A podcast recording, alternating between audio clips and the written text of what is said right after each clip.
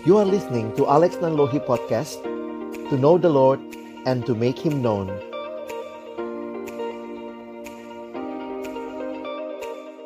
Sebenarnya judulnya menolong kita juga menyadari bahwa ya setiap situasi hidup sebenarnya kita sangat membutuhkan good news itu. Atau ada yang berkata begini bahwa justru di saat-saat difficult times orang meno, me, apa ya terus berusaha mencari apa yang menjadi good news. Mungkin sekarang kita akan bicara good newsnya itu adalah ketemu vaksinnya corona begitu ya. Tetapi kalau kita sudah belajar, kita tentunya sudah tahu bahwa sebenarnya the real pandemic, the real pandemic is sin. Pandemik yang sesungguhnya adalah dosa. Alkitab berkata, semua manusia telah berdosa, tidak ada yang terkecuali. Kalau kita bicara pandemik um, COVID-19 ini, memang sungguh luar biasa, angkanya fantastis sekali, 3 juta sudah terinfected gitu ya. Lalu kemudian banyak yang mati, ada juga yang uh, sembuh begitu ya. Tetapi ya kita harus berkata paling tidak buat kita yang saat ini bergabung kita nggak kena kira-kira begitu ya. Jadi sebenarnya the real pandemic itu adalah dosa yang menjadi hal yang begitu mengerikan manusia sepanjang zaman dan manusia sudah berusaha mencari jalan keluar atas dosa. Saya pikir sepanjang sejarah kita melihat bagaimana manusia berusaha dengan berbagai hal untuk menyelesaikan masalah dosa ini. Ada yang berpikir bisa menyelesaikan dengan melakukan perbuatan baik. Ada yang berpikir bisa menyelesaikan dengan pendidikan, ada yang berpikir mungkin bisa menyelesaikan dengan meningkatkan kesejahteraan hidup, maka kita melihat bahwa pandemi yang sesungguhnya adalah dosa dan vaksinnya the good news the the good news tentang dosa adalah Allah sudah memberikan anaknya Yesus Kristus. Inilah vaksin yang dibutuhkan oleh semua manusia.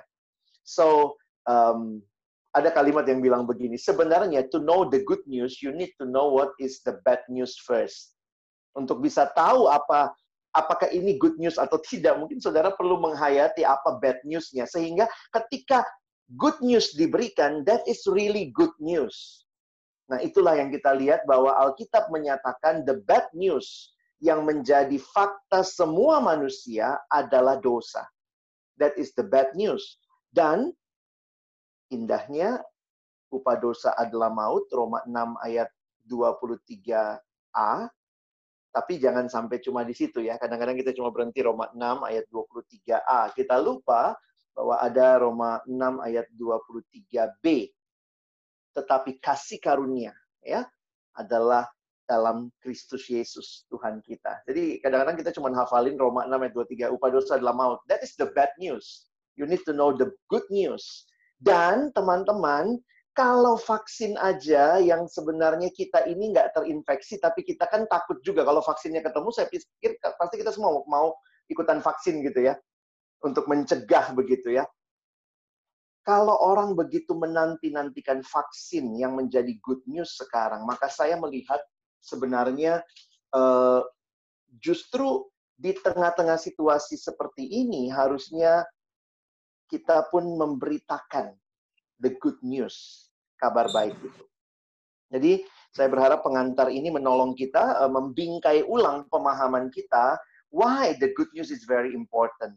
Karena apa? Karena semua sudah terinfeksi dan semua sebenarnya butuh vaksinasi atas dosa itu yaitu butuh mengenal Yesus Kristus satu-satunya jalan keselamatan. Nah, saya pikir tidak kebetulan teman-teman pelajari kisah Rasul saya juga coba lihat materi ajarnya luar biasa. Ada kisah-kisah di mana sepanjang zaman kita melihat orang-orang yang dipanggil untuk memberitakan good news ini. Nah, kenapa ini jadi penting buat kita? Sebenarnya teman-teman kalau kita tidak pernah menyadari dengan dalam uh, the value of that good news, kita tidak menghayatinya sebagai gaya hidup sehari-hari, maka sebenarnya situasi seperti ini, difficult time seperti ini bikin kita mati gaya beneran. Gitu ya mulai banyak orang yang mati gaya gitu ya. Uh, kenapa? Karena kayaknya semua hal harus jadi online. Lalu ketepatan misalnya, wah lagi belajar pengin, penginjilan, memberitakan kabar baik. Nah, bagaimana melakukannya? Uh, saya pikir memang modal utama seharusnya adalah ketika itu sudah menjadi lifestyle kita. Jadi memang ini jadi pergumulan penting buat kita. Tapi kalaupun itu belum jadi lifestyle kita, mari kita belajar mulai membangun itu. Walaupun kita membangunnya dalam satu situasi yang sulit seperti ini. Nah, saya mau kaitkan dengan situasi yang sulit, maka teman-teman perhatikan bahwa sebenarnya di dalam Alkitab juga banyak krisis-krisis yang terjadi.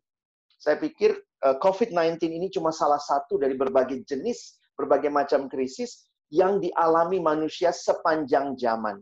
Nah, hal yang menarik, kita akan melihat ketika Paulus berada di situasi yang sulit, saya mau angkat tokoh Paulus, ketika dia berada dalam situasi yang sulit, bahkan dia tidak lama lagi akan mati dan dia menyadari itu, maka kita akan melihat next slide.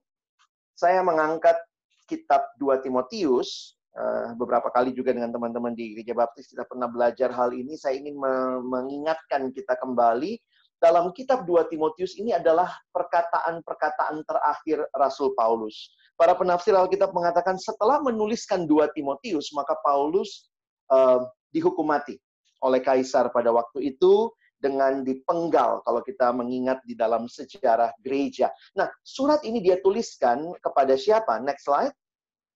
Surat ini dituliskan kepada pemimpin muda yang melanjutkan pelayanannya, yaitu Timotius surat 1 dan 2 Timotius adalah surat yang dituliskan Paulus kepada anak rohaninya Timotius yang dia percayakan tugas melanjutkan pelayanan ini.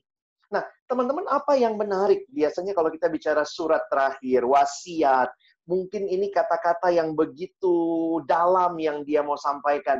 Tapi yang menarik bagi saya adalah sekali lagi Paulus pengerti betul apa yang menjadi panggilannya. Jadi kalau boleh saya katakan begini ya, eh, panggilan sebagai pemberita Injil itu itu tidak melekat karena struktur jabatan, ini lagi jadi pengurus, jadi jadi guru, lagi jadi apalah gitu ya. Mungkin kita bisa melihatnya beberapa orang mengkaitkan kenapa saya harus lakukan itu? Ya karena saya punya jabatan tertentu untuk melakukan itu.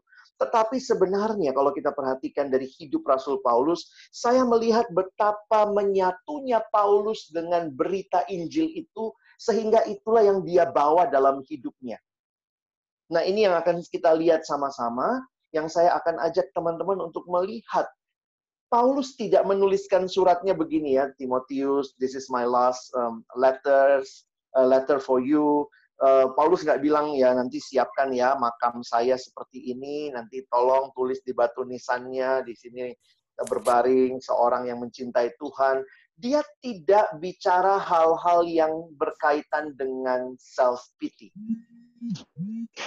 Tetapi kalau teman-teman perhatikan, yang Paulus sampaikan adalah keyakinan bahwa Injil adalah good news yang harus terus disampaikan. Saya ulangi ya.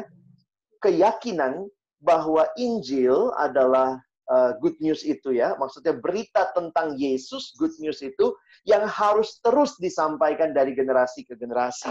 Karena itu kalau kita perhatikan, berkali-kali Paulus sepertinya mendesak Timotius untuk terus memberitakan Injil di surat yang hanya empat pasal ini. Jadi, teman-teman, saya melihat betapa menyatunya Paulus dengan dengan penghayatan ini, dengan pentingnya berita ini dan bagaimana dia menasihatkan Timotius untuk terus menyampaikannya. Nah, teman-teman yang dikasihi Tuhan, saya mau mulai sedikit dengan mengangkat bagaimana ini jadi good news ya buat Paulus. Nah, jadi begini, teman-teman, kalau perhatikan berkali-kali Paulus menggunakan istilah-istilah yang berbeda untuk menyatakan Injil itu. Jadi berkali-kali Paulus menggunakan berbagai istilah untuk menggambarkan berita Injil itu seperti apa.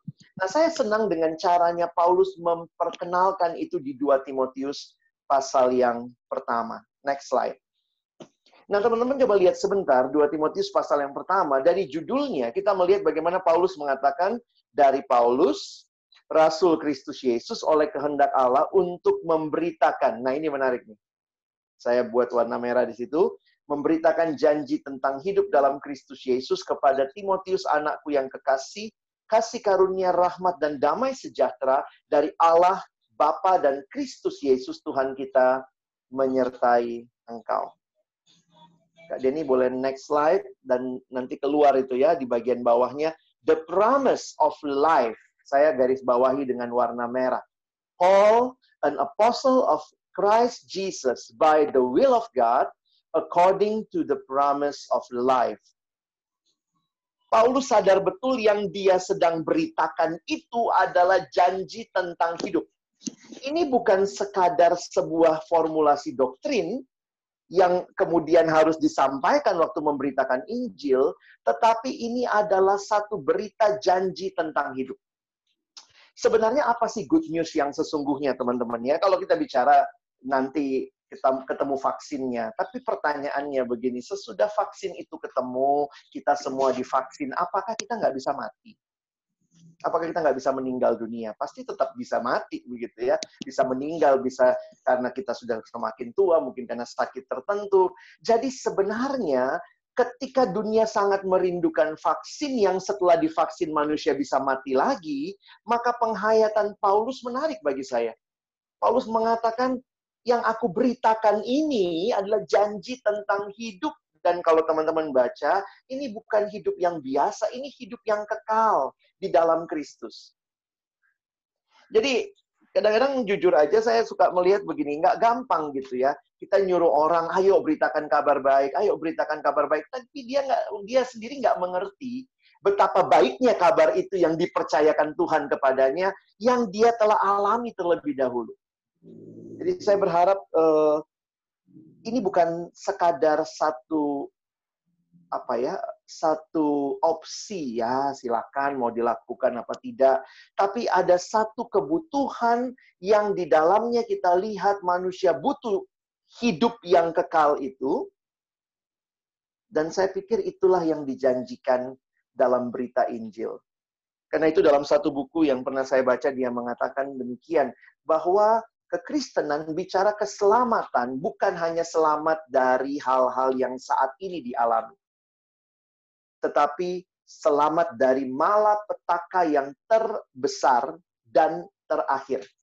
Kekristenan memberitakan berita selamat, selamat dari malapetaka terbesar dan terakhir, which is death. Dan kita baru saja merayakan Paskah dan kita tahu bahwa Yesus membalikkan itu Dunia hanya mengenal siklus kehidupan lahir, hidup, mati.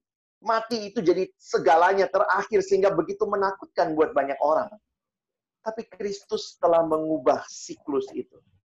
Bagi kita yang percaya, Yesus berkata kepada uh, Marta, Maria di dalam uh, Yohanes 10 ya, dia tetap hidup walaupun dia sudah mati secara fisik. Jadi ini mau memberitakan kepada kita janji tentang hidup. Nah, jadi teman-teman, uh, saya nggak tahu bagaimana penghayatan teman-teman setelah belajar berminggu-minggu, oh ya orang diminta memberitakan Injil. Sebenarnya apa sih? Ini bukan cuma um, culture expansion, Christianity, Christian, Christendom uh, menyebarkan uh, kekristenan secara area, tetapi ini janji tentang hidup. Dan di dalamnya teman-teman telah alami dan kita dibawa oleh Tuhan untuk kembali memberitakan berita yang luar biasa itu. Nah, karena itu teman-teman kalau perhatikan betapa berkobar-kobarnya Paulus di sepanjang surat terakhir ini yang tidak menunjukkan dia self pity, aduh nanti kalau aku mati gimana ya Timotius, jangan lupa ya bawain ini, jangan lupa ya taruh kembang model ini. Tapi betul-betul dia mendesak Timotius in his last letter to really proclaim the promise of life. Nah, saya mengutip dua ayat. Ya, next slide. Teman-teman bisa lihat saya mengutip dua ayat di dalam 2 Timotius pasal yang keempat, ayat yang kedua dan ayat yang kelima. Saya harap ini menjadi dasar setelah kita mengerti betapa luar biasanya berita Injil itu yang dipercayakan kepada Paulus, kepada Timotius, bahkan kepada kita saat ini.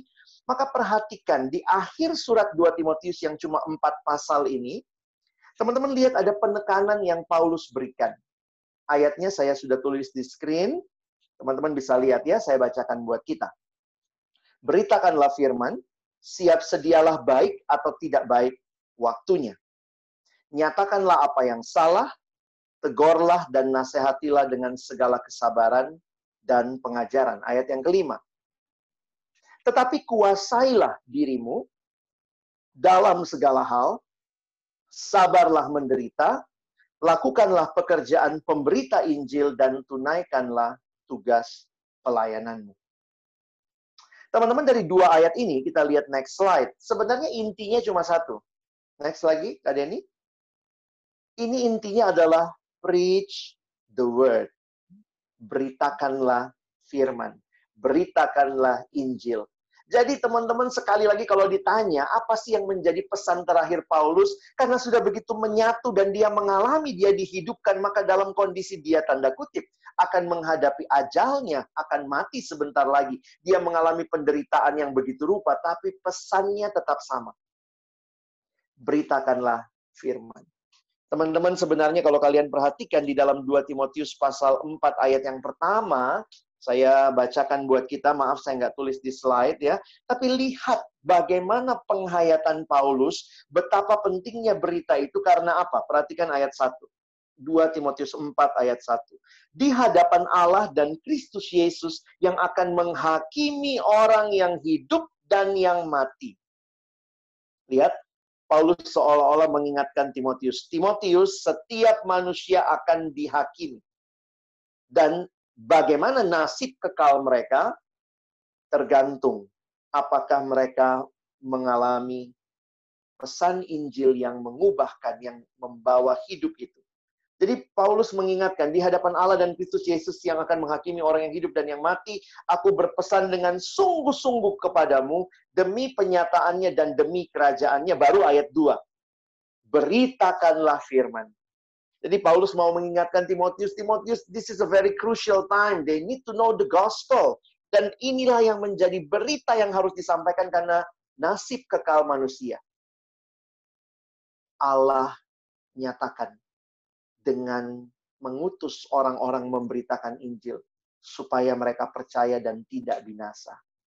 Nah, teman-teman perhatikan sebentar, next slide. Saya coba uh, lihat ya, ini semua muncul dalam kata perintah atau bentuk perintah imperatif ya. Next lagi Kak Denny. Lihat semua yang keluar ini, kan bahasa Indonesia lebih jelas ya, karena pakai lah belakangnya.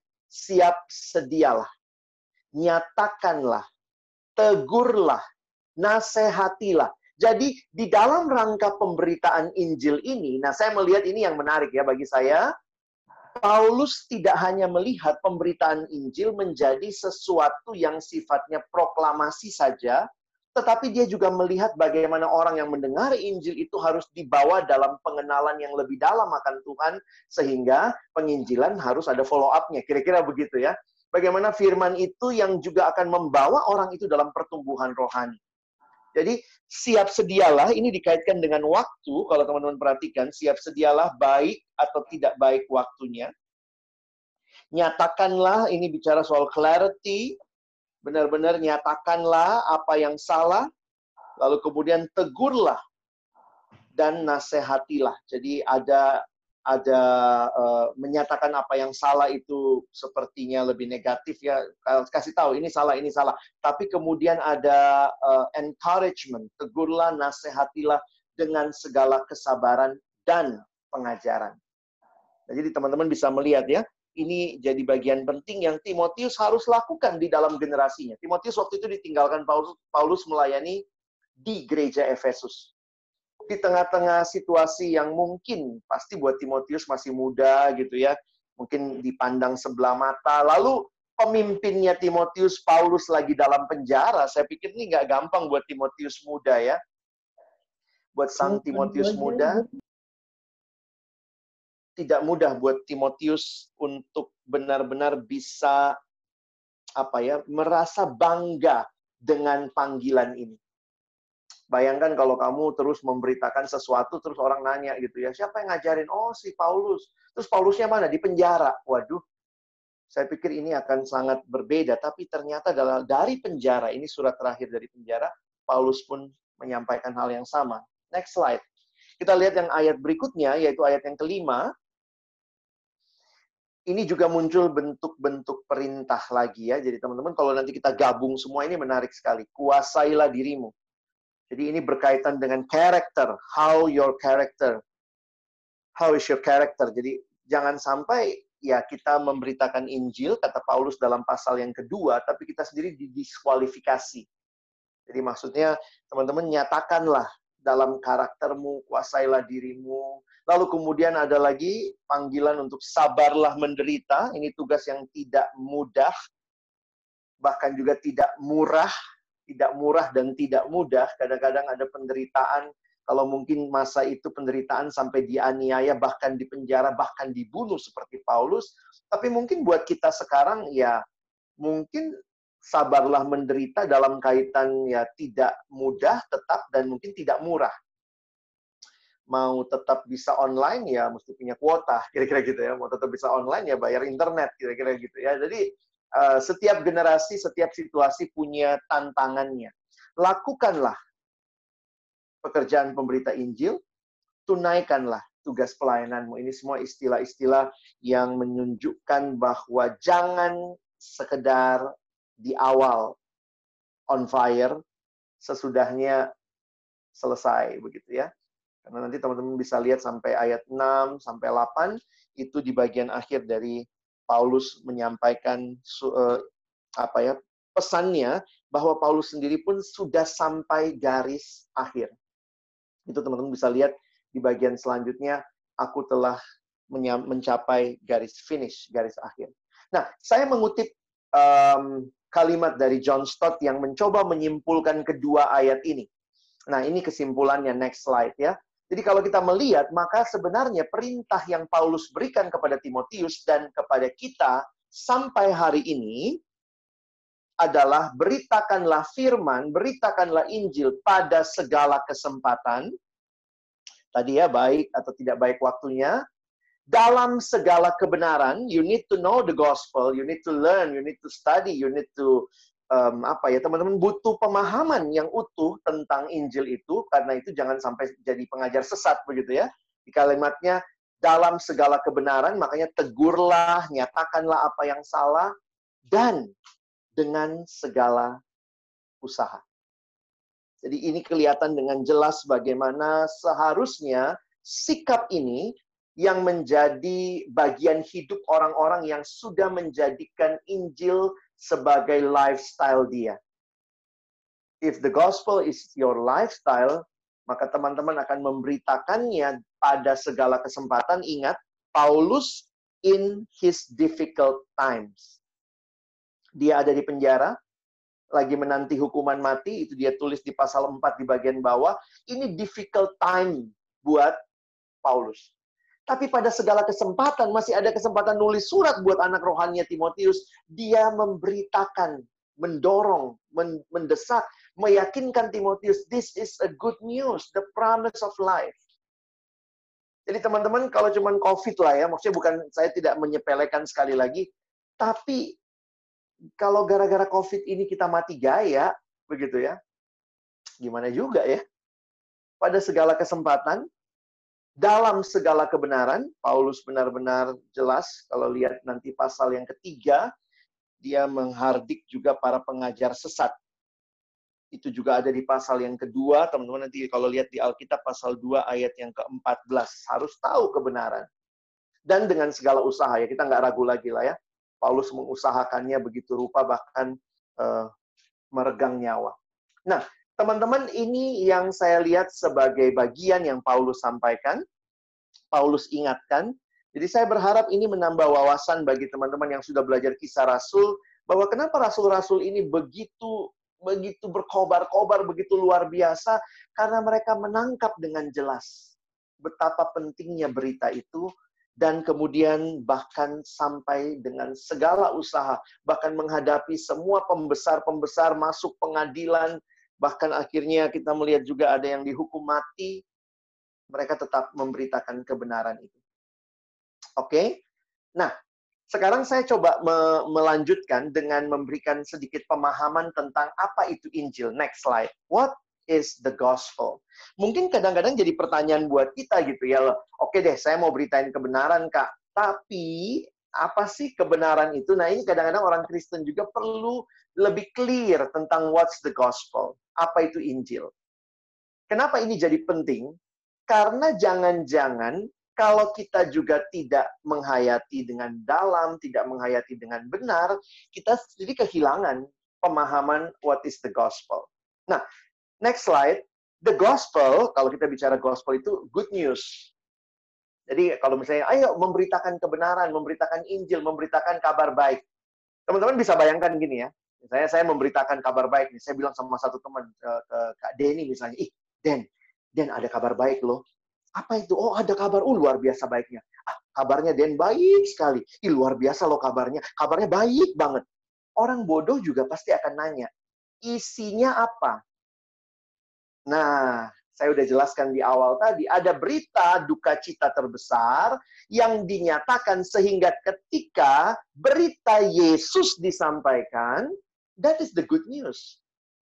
Nah, teman-teman, sebenarnya Paulus meminjam atau mungkin bukan cuma Paulus tapi penulis-penulis perjanjian baru secara khusus meminjam istilah good news ini atau gospel ini adalah istilah yang dipakai pada waktu itu untuk uh, sebuah um, apa ya berita. Jadi saya kasih contoh begini.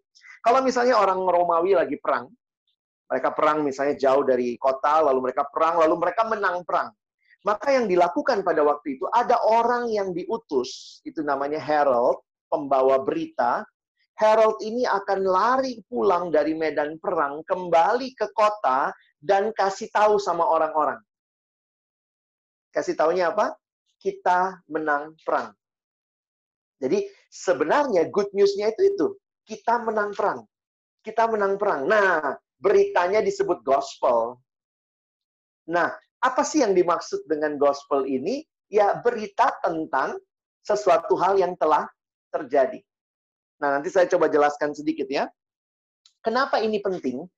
Karena kekristenan adalah tentang Injil. Sayangnya banyak orang Kristen tidak mengerti Injil dan berpikir Injil adalah tentang sesuatu yang harus saya lakukan.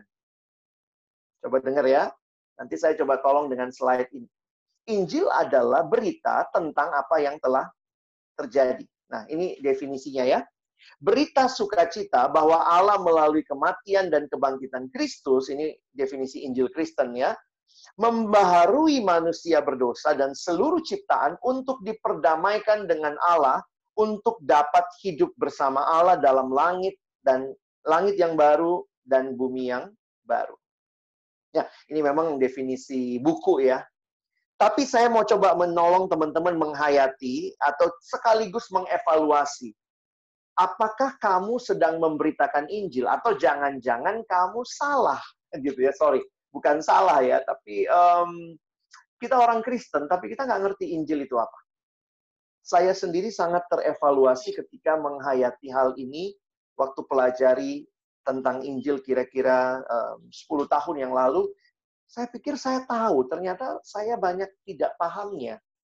Karena saya selalu terkait dengan apa yang orang katakan, khususnya tentang hal-hal yang ada di agama agama yang lain di sekitar kita.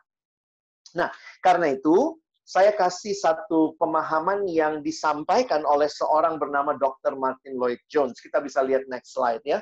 Nah, Dr. Martin Lloyd Jones, salah satu uh, penginjil atau pengkhotbah besar di uh, Inggris pada 1960-an, dia mencoba memberitakan bedanya antara nasihat sama berita. Nah, lihat ya. Dia mengatakan Injil adalah berita sukacita, good news, bukan nasihat sukacita. Nah, dia dia coba bedain. Jadi ini yang saya hayati waktu itu jangan-jangan yang saya beritakan bukan good news, tapi saya sedang memberitakan good advice gitu ya. Nah, bedanya apa? Nah, dia coba melihat next slide. Ini lihat bedanya ya. Nasihat adalah himbauan agar kita melakukan sesuatu dan sesuatu itu belum terjadi. Jadi misalnya kasih nasihat, ayo dong rajin mandi biar nggak mager gitu ya. Jadi sebenarnya mager masih terjadi, maka ayo mandi gitu. Himbauan sesuatu itu belum terjadi. Itu nasihat. Berita, nah berita menarik nih, adalah laporan sesuatu yang sudah terjadi, tidak ada lagi yang perlu kita perbuat, karena itu sudah dilakukan bagi kita, dan yang dituntut dari kita hanyalah respon kita terhadap berita itu. Contoh misalnya ya, kalau ada yang bawa berita pada waktu itu dari medan perang, dia bawa berita, "Woi, kita menang perang, kita menang perang." Terus orang mesti ngapain? Itu kan berita, bukan nasihat. Ayo, supaya menang perang, maka lakukan ini, ini, ini, ini supaya menang perang. Tapi berita adalah sesuatu yang sudah terjadi. Dan responnya adalah, oh, kita menang perang. Misalnya saya dengar berita itu, kita menang perang. Cuma dua kemungkinan respon. Saya percaya, iya ya, kita menang perang. Atau, nggak, nggak percaya, Gitu ya. Jadi sebenarnya berita tidak menuntut kita melakukan sesuatu, kita hanya perlu meresponinya berbeda dengan nasihat. Nah, di sini bagi saya luar biasanya Bapak Martin Lloyd Jones coba mengelaborasi, dia mengatakan kalimat berikut, next. Semua agama di dunia, menurut dia, mengirimkan penasehat untuk manusia.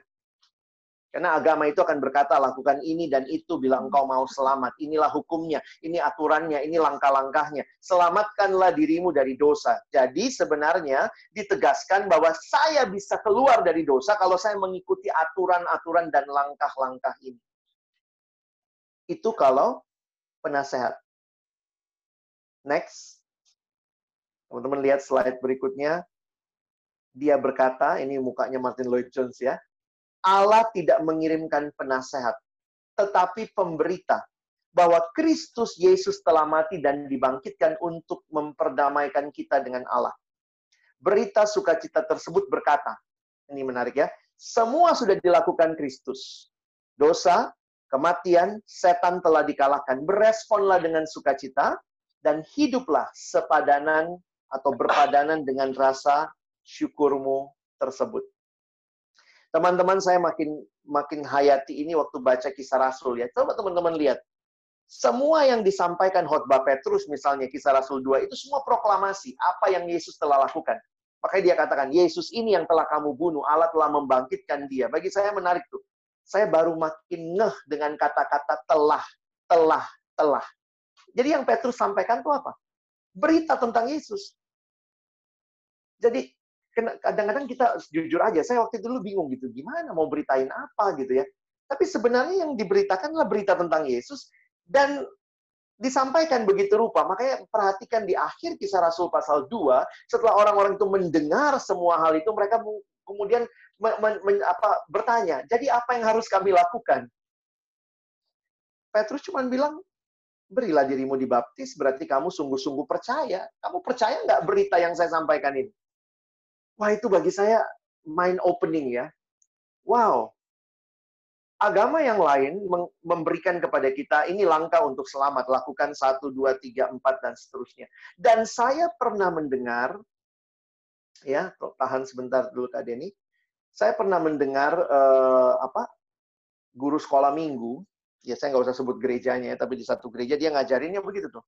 Adik-adik, nah ini karena yang diajarin anak-anak SD gitu ya Adik-adik, untuk selamat kita harus pertama rajin baca Alkitab, rajin ke sekolah minggu, hormati bapak, papa, mama, supaya kita jadi anak Tuhan. Jadi itu pengajarannya. Supaya jadi anak Tuhan, kita harus rajin lakukan satu, dua, tiga, empat.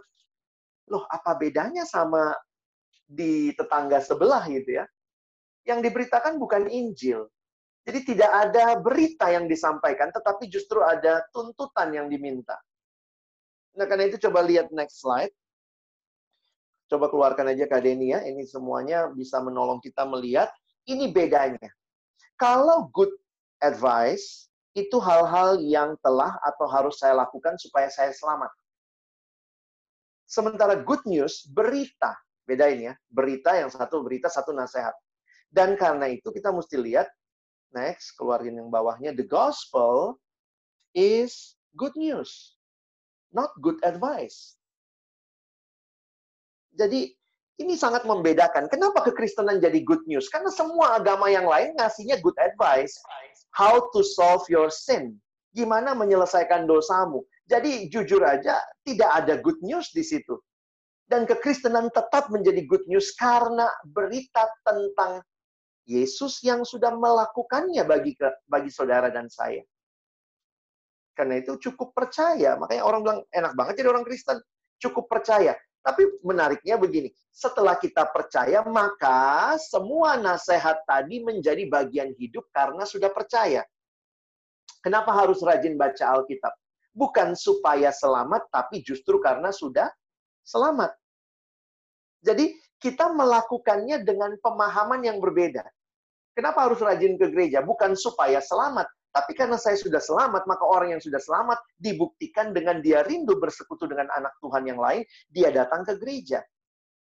Jadi ini menjadi hal yang membalik pemikiran kita. Nah, ini kenapa saya jelaskan, karena jangan sampai kita memberitakan Injil, kita pertama takut mesti ngomong apa kita nggak tahu mesti ngomong apa. Tahu-tahu kita mesti ngomong, lu mau jadi, uh, lu mau mau selamat nggak? Lu mesti ke gerejaku. Ayo, kamu mesti lakukan ini, lakukan ini. Kita sampai lupa bahwa sebenarnya fokus utama berita Injil adalah pada Kristus dan karyanya.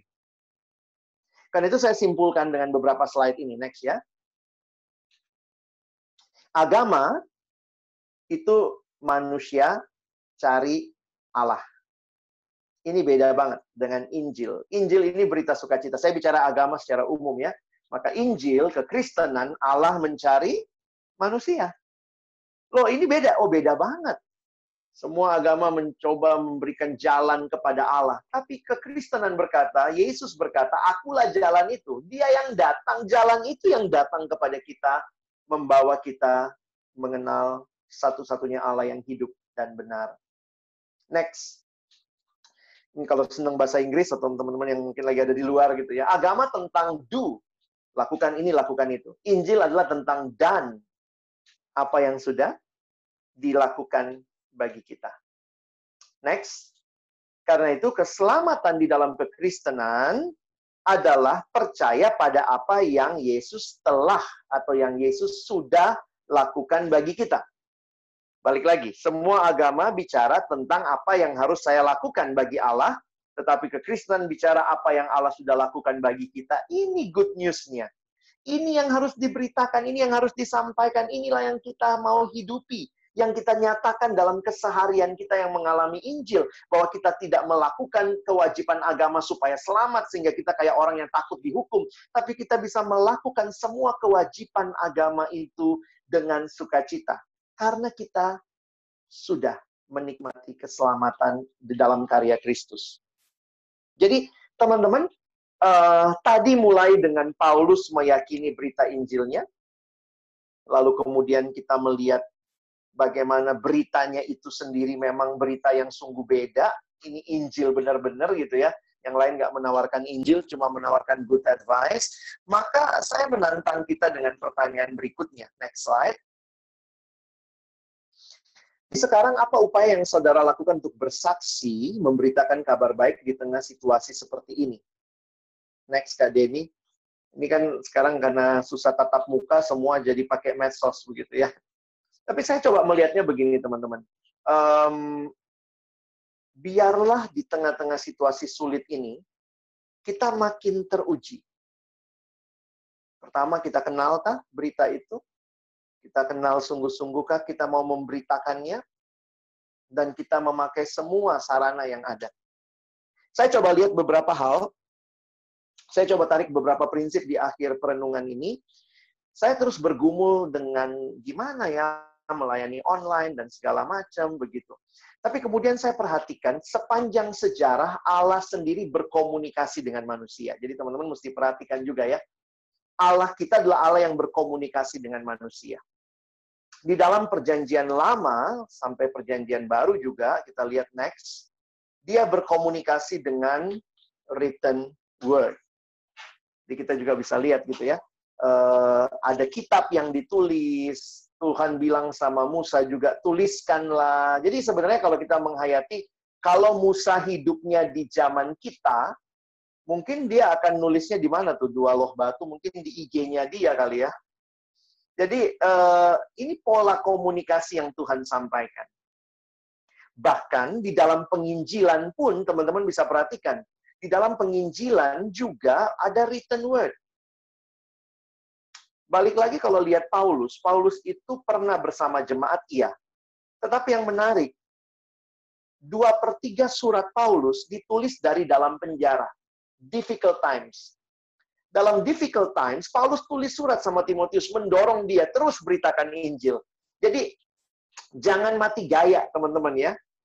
Uh, lihat pola-pola di dalam Alkitab saya menarik waktu memperhatikan Injil Yohanes, di akhir Injil Yohanes pasal 20, lalu ada kalimat yang mengatakan begini, semua ini ditulis supaya kamu percaya.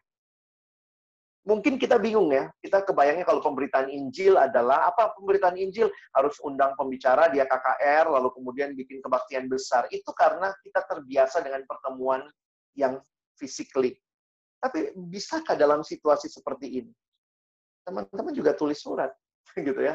Oh, aduh tuh surat jadul banget, Kak. Ya udah, mungkin bisa bikin status yang baik.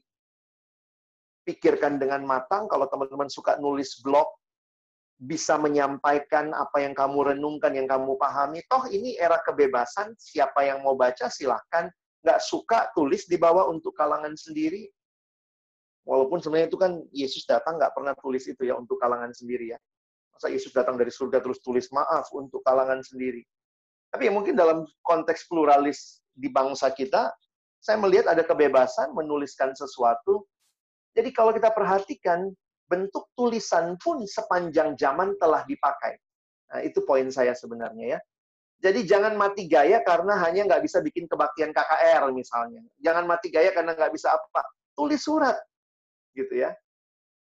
Tulis surat, tulis sesuatu yang kemudian menolong kita juga untuk bisa membagikan kebenaran itu.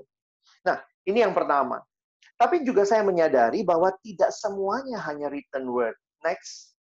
Sebenarnya tradisi Alkitab itu yang pertama adalah spoken word. Maksudnya tradisi lisan. Nah, dari yang lisan itu yang ditulis. Teman-teman mesti tetap ingat ya, pada masa Musa jangan berpikir semua orang punya tabletnya, semua orang punya punya written word-nya. Waktu masa itu, Alkitab gulungannya itu yang punya cuma sinagoge biasanya. Nggak punya kayak kita ini di Alkitab, di HP sudah ada semua Alkitab begitu ya. Waktu itu kan bentuknya gulungan dan cuma ada di di rumah-rumah ibadat. Jadi sebenarnya spoken word itu jadi satu bagian yang penting dalam tradisi orang Israel. Jadi teman-teman kalau pelajari sebenarnya ternyata orang Israel itu nggak pernah punya tradisi baca dalam hati kita punya tradisi baca dalam hati karena kita semua itu tradisi modern, very individualistic, private, dan semua orang punya written word-nya, punya Alkitab tercetaknya. Nah, waktu itu tidak demikian. Orang Yahudi kalau mendengar firman, maka ada yang baca, lalu kemudian mereka mendengar. Atau beberapa kali di recite, ya, kayak di, di keluarga, uh, Tuhan adalah gembalaku, terus semua ngomong, Tuhan adalah gembalaku, takkan kekurangan aku, takkan kekurangan aku. Jadi spoken word. Bahkan bagi saya sebenarnya menarik ya teman-teman kalau kita gali sebentar, kalau dikatakan Alkitab adalah firman Allah, nah ini bahasa Inggris lebih unik ya, karena di dalam bahasa Inggris digunakan istilah God's word. Jadi firman Allah itu God's word. Kalau itu God's word, maka bagian kita apa? Bukan read, tapi listen. Ya. Jadi bukan cuma read tapi listen. Nah, saya memang meyakini bahwa uh, firman Tuhan yang yang didengar, dibaca itu itu powerful. Saya tetap meyakini itu. Karena itu sekarang dalam situasi seperti ini banyak orang-orang yang saya pikir luar biasa juga nih ya, beberapa podcast baru lahir, beberapa orang dengan upaya. Kenapa? Karena saya pikir jangan mati gaya karena nggak bisa ketemu lalu kemudian seolah-olah semuanya selesai spoken word juga penting. Jadi teman-teman, eh, saya melihat beberapa orang sudah mulai secara rutin misalnya memposting sesuatu, orang-orang senang dengan podcast, bisa didengar, firman Tuhan bisa disampaikan, Injil bisa disebarkan. Bagi saya ini justru kesempatan luar biasa bahwa melalui pertemuan-pertemuan virtual yang kadang hanya suara misalnya, kita nonton YouTube pun kita cuma dengar lihat orangnya, dengar suaranya. Sekarang hari Minggu tuh banyak banget khotbah online, tinggal pilih mau gereja mana. Belum pernah dalam sejarah seperti ini firman Tuhan very accessible. Jadi sekali lagi jangan merasa tidak bisa memberitakan Injil hanya karena nggak ketemu. Written word, spoken word. Nah, yang terakhir, sebenarnya word in flesh. Saya pikir memang ini inkarnasi Yesus menjadi puncak dari penyataan Allah. Tapi eh, jangan dibuang yang sebelum-sebelumnya. Toh sampai sekarang kita masih punya written word. Masih punya Alkitab. Nah, word in flesh memang ini akhirnya adalah satu realita Allah mau bersekutu dengan manusia dan dia datang di dalam rupa kita, yaitu dalam daging. Nah, memang gereja sangat terbiasa mungkin dengan bagian akhir ini karena kita pertemuannya tatap muka. Memang banyak hal yang tidak tergantikan. Itu harus diakui.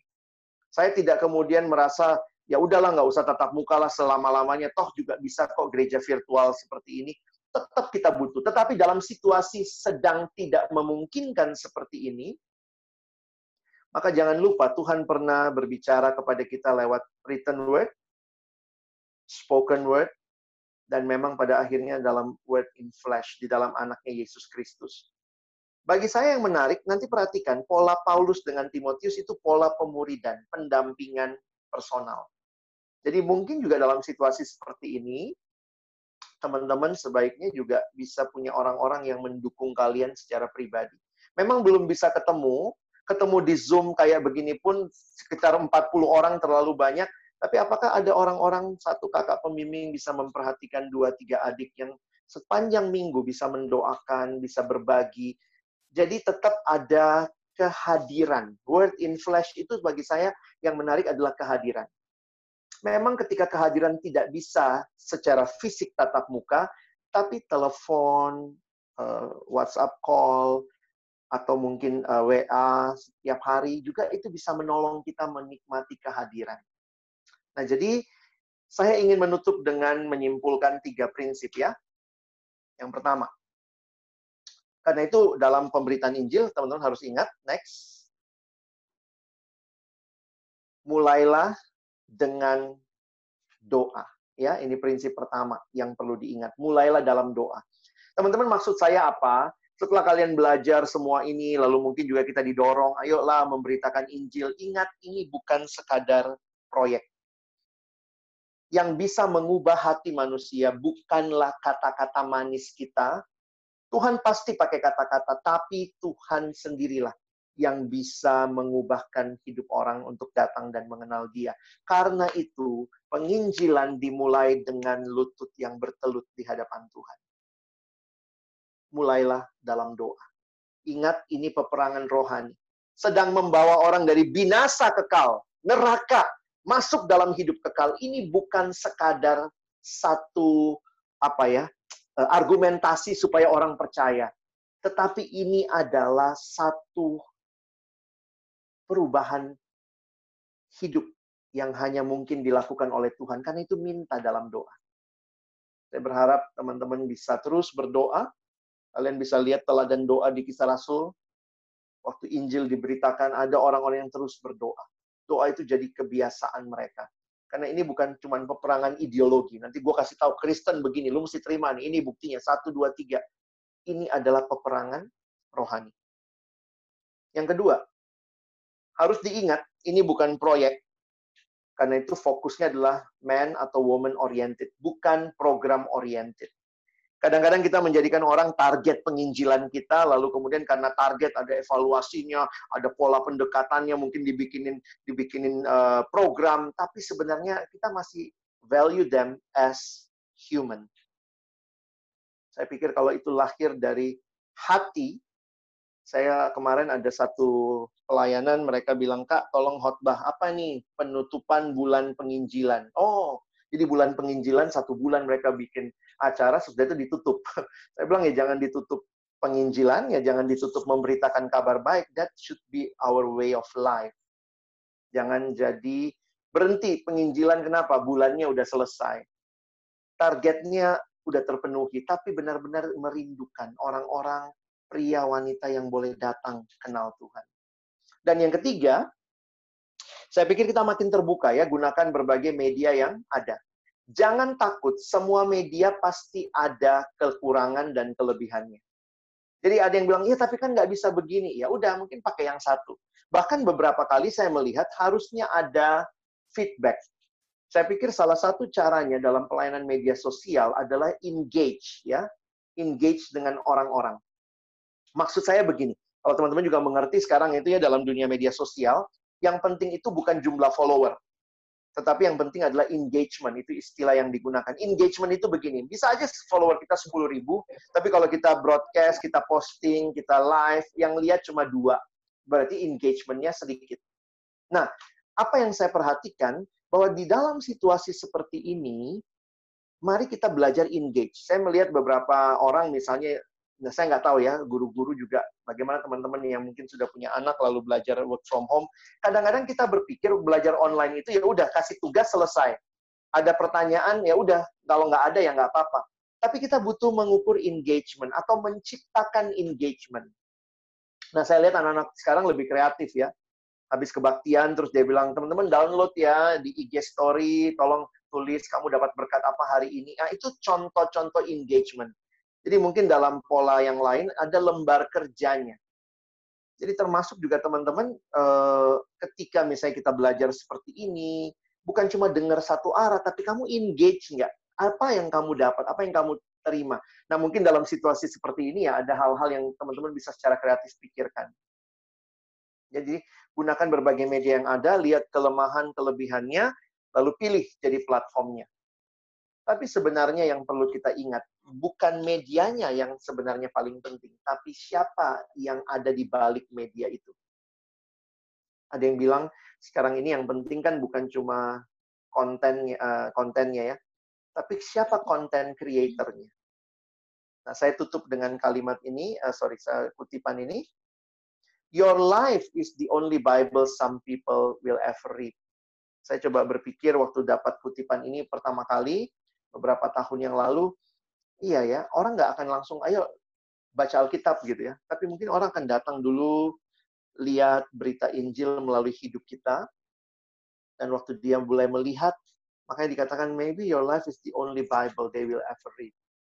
Tidak kebetulan teman-teman kenal Yesus dalam masa mudamu, tidak kebetulan kamu dihadirkan dalam lingkungan persahabatan teman-temanmu, maka hidupilah hidup yang terus menyatakan bahwa Yesuslah satu-satunya Tuhan dan Juru Selamat.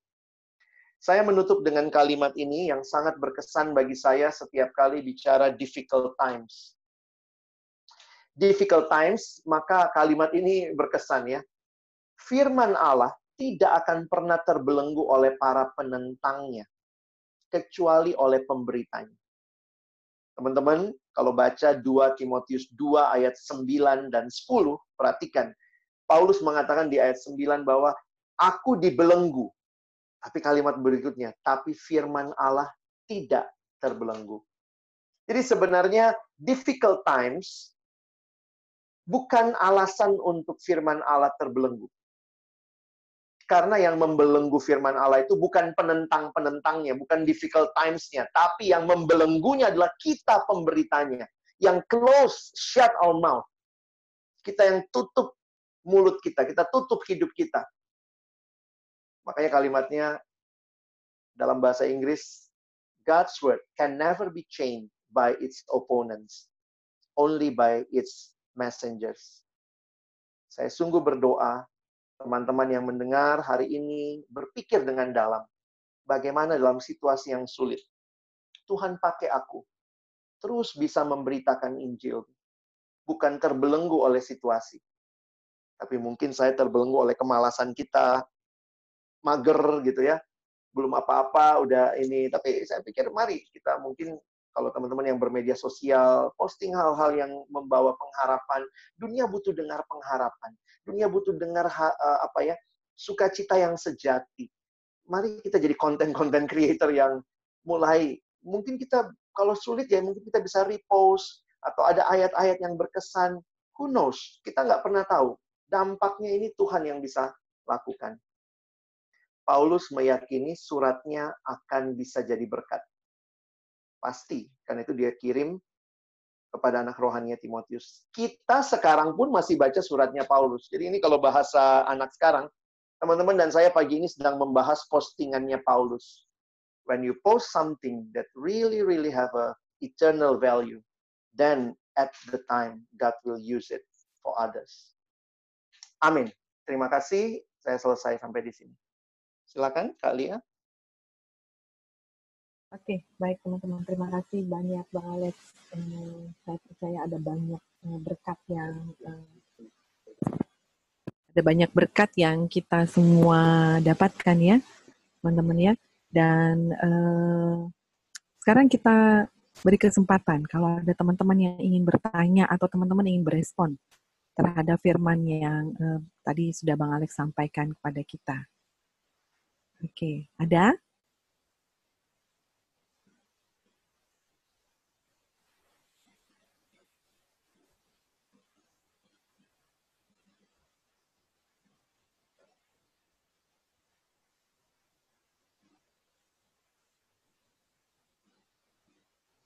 Ada teman-teman? Bisa bertanya ya, bisa tulis di chat ya, atau kalau nggak enak bisa WhatsApp guru-gurunya. Nanti kita sampaikan. Nah, mau no name juga boleh.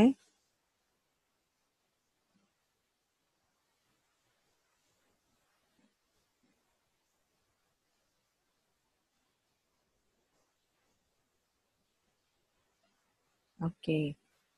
Kalau Diana, apa yang Diana dapat Diana pagi ini?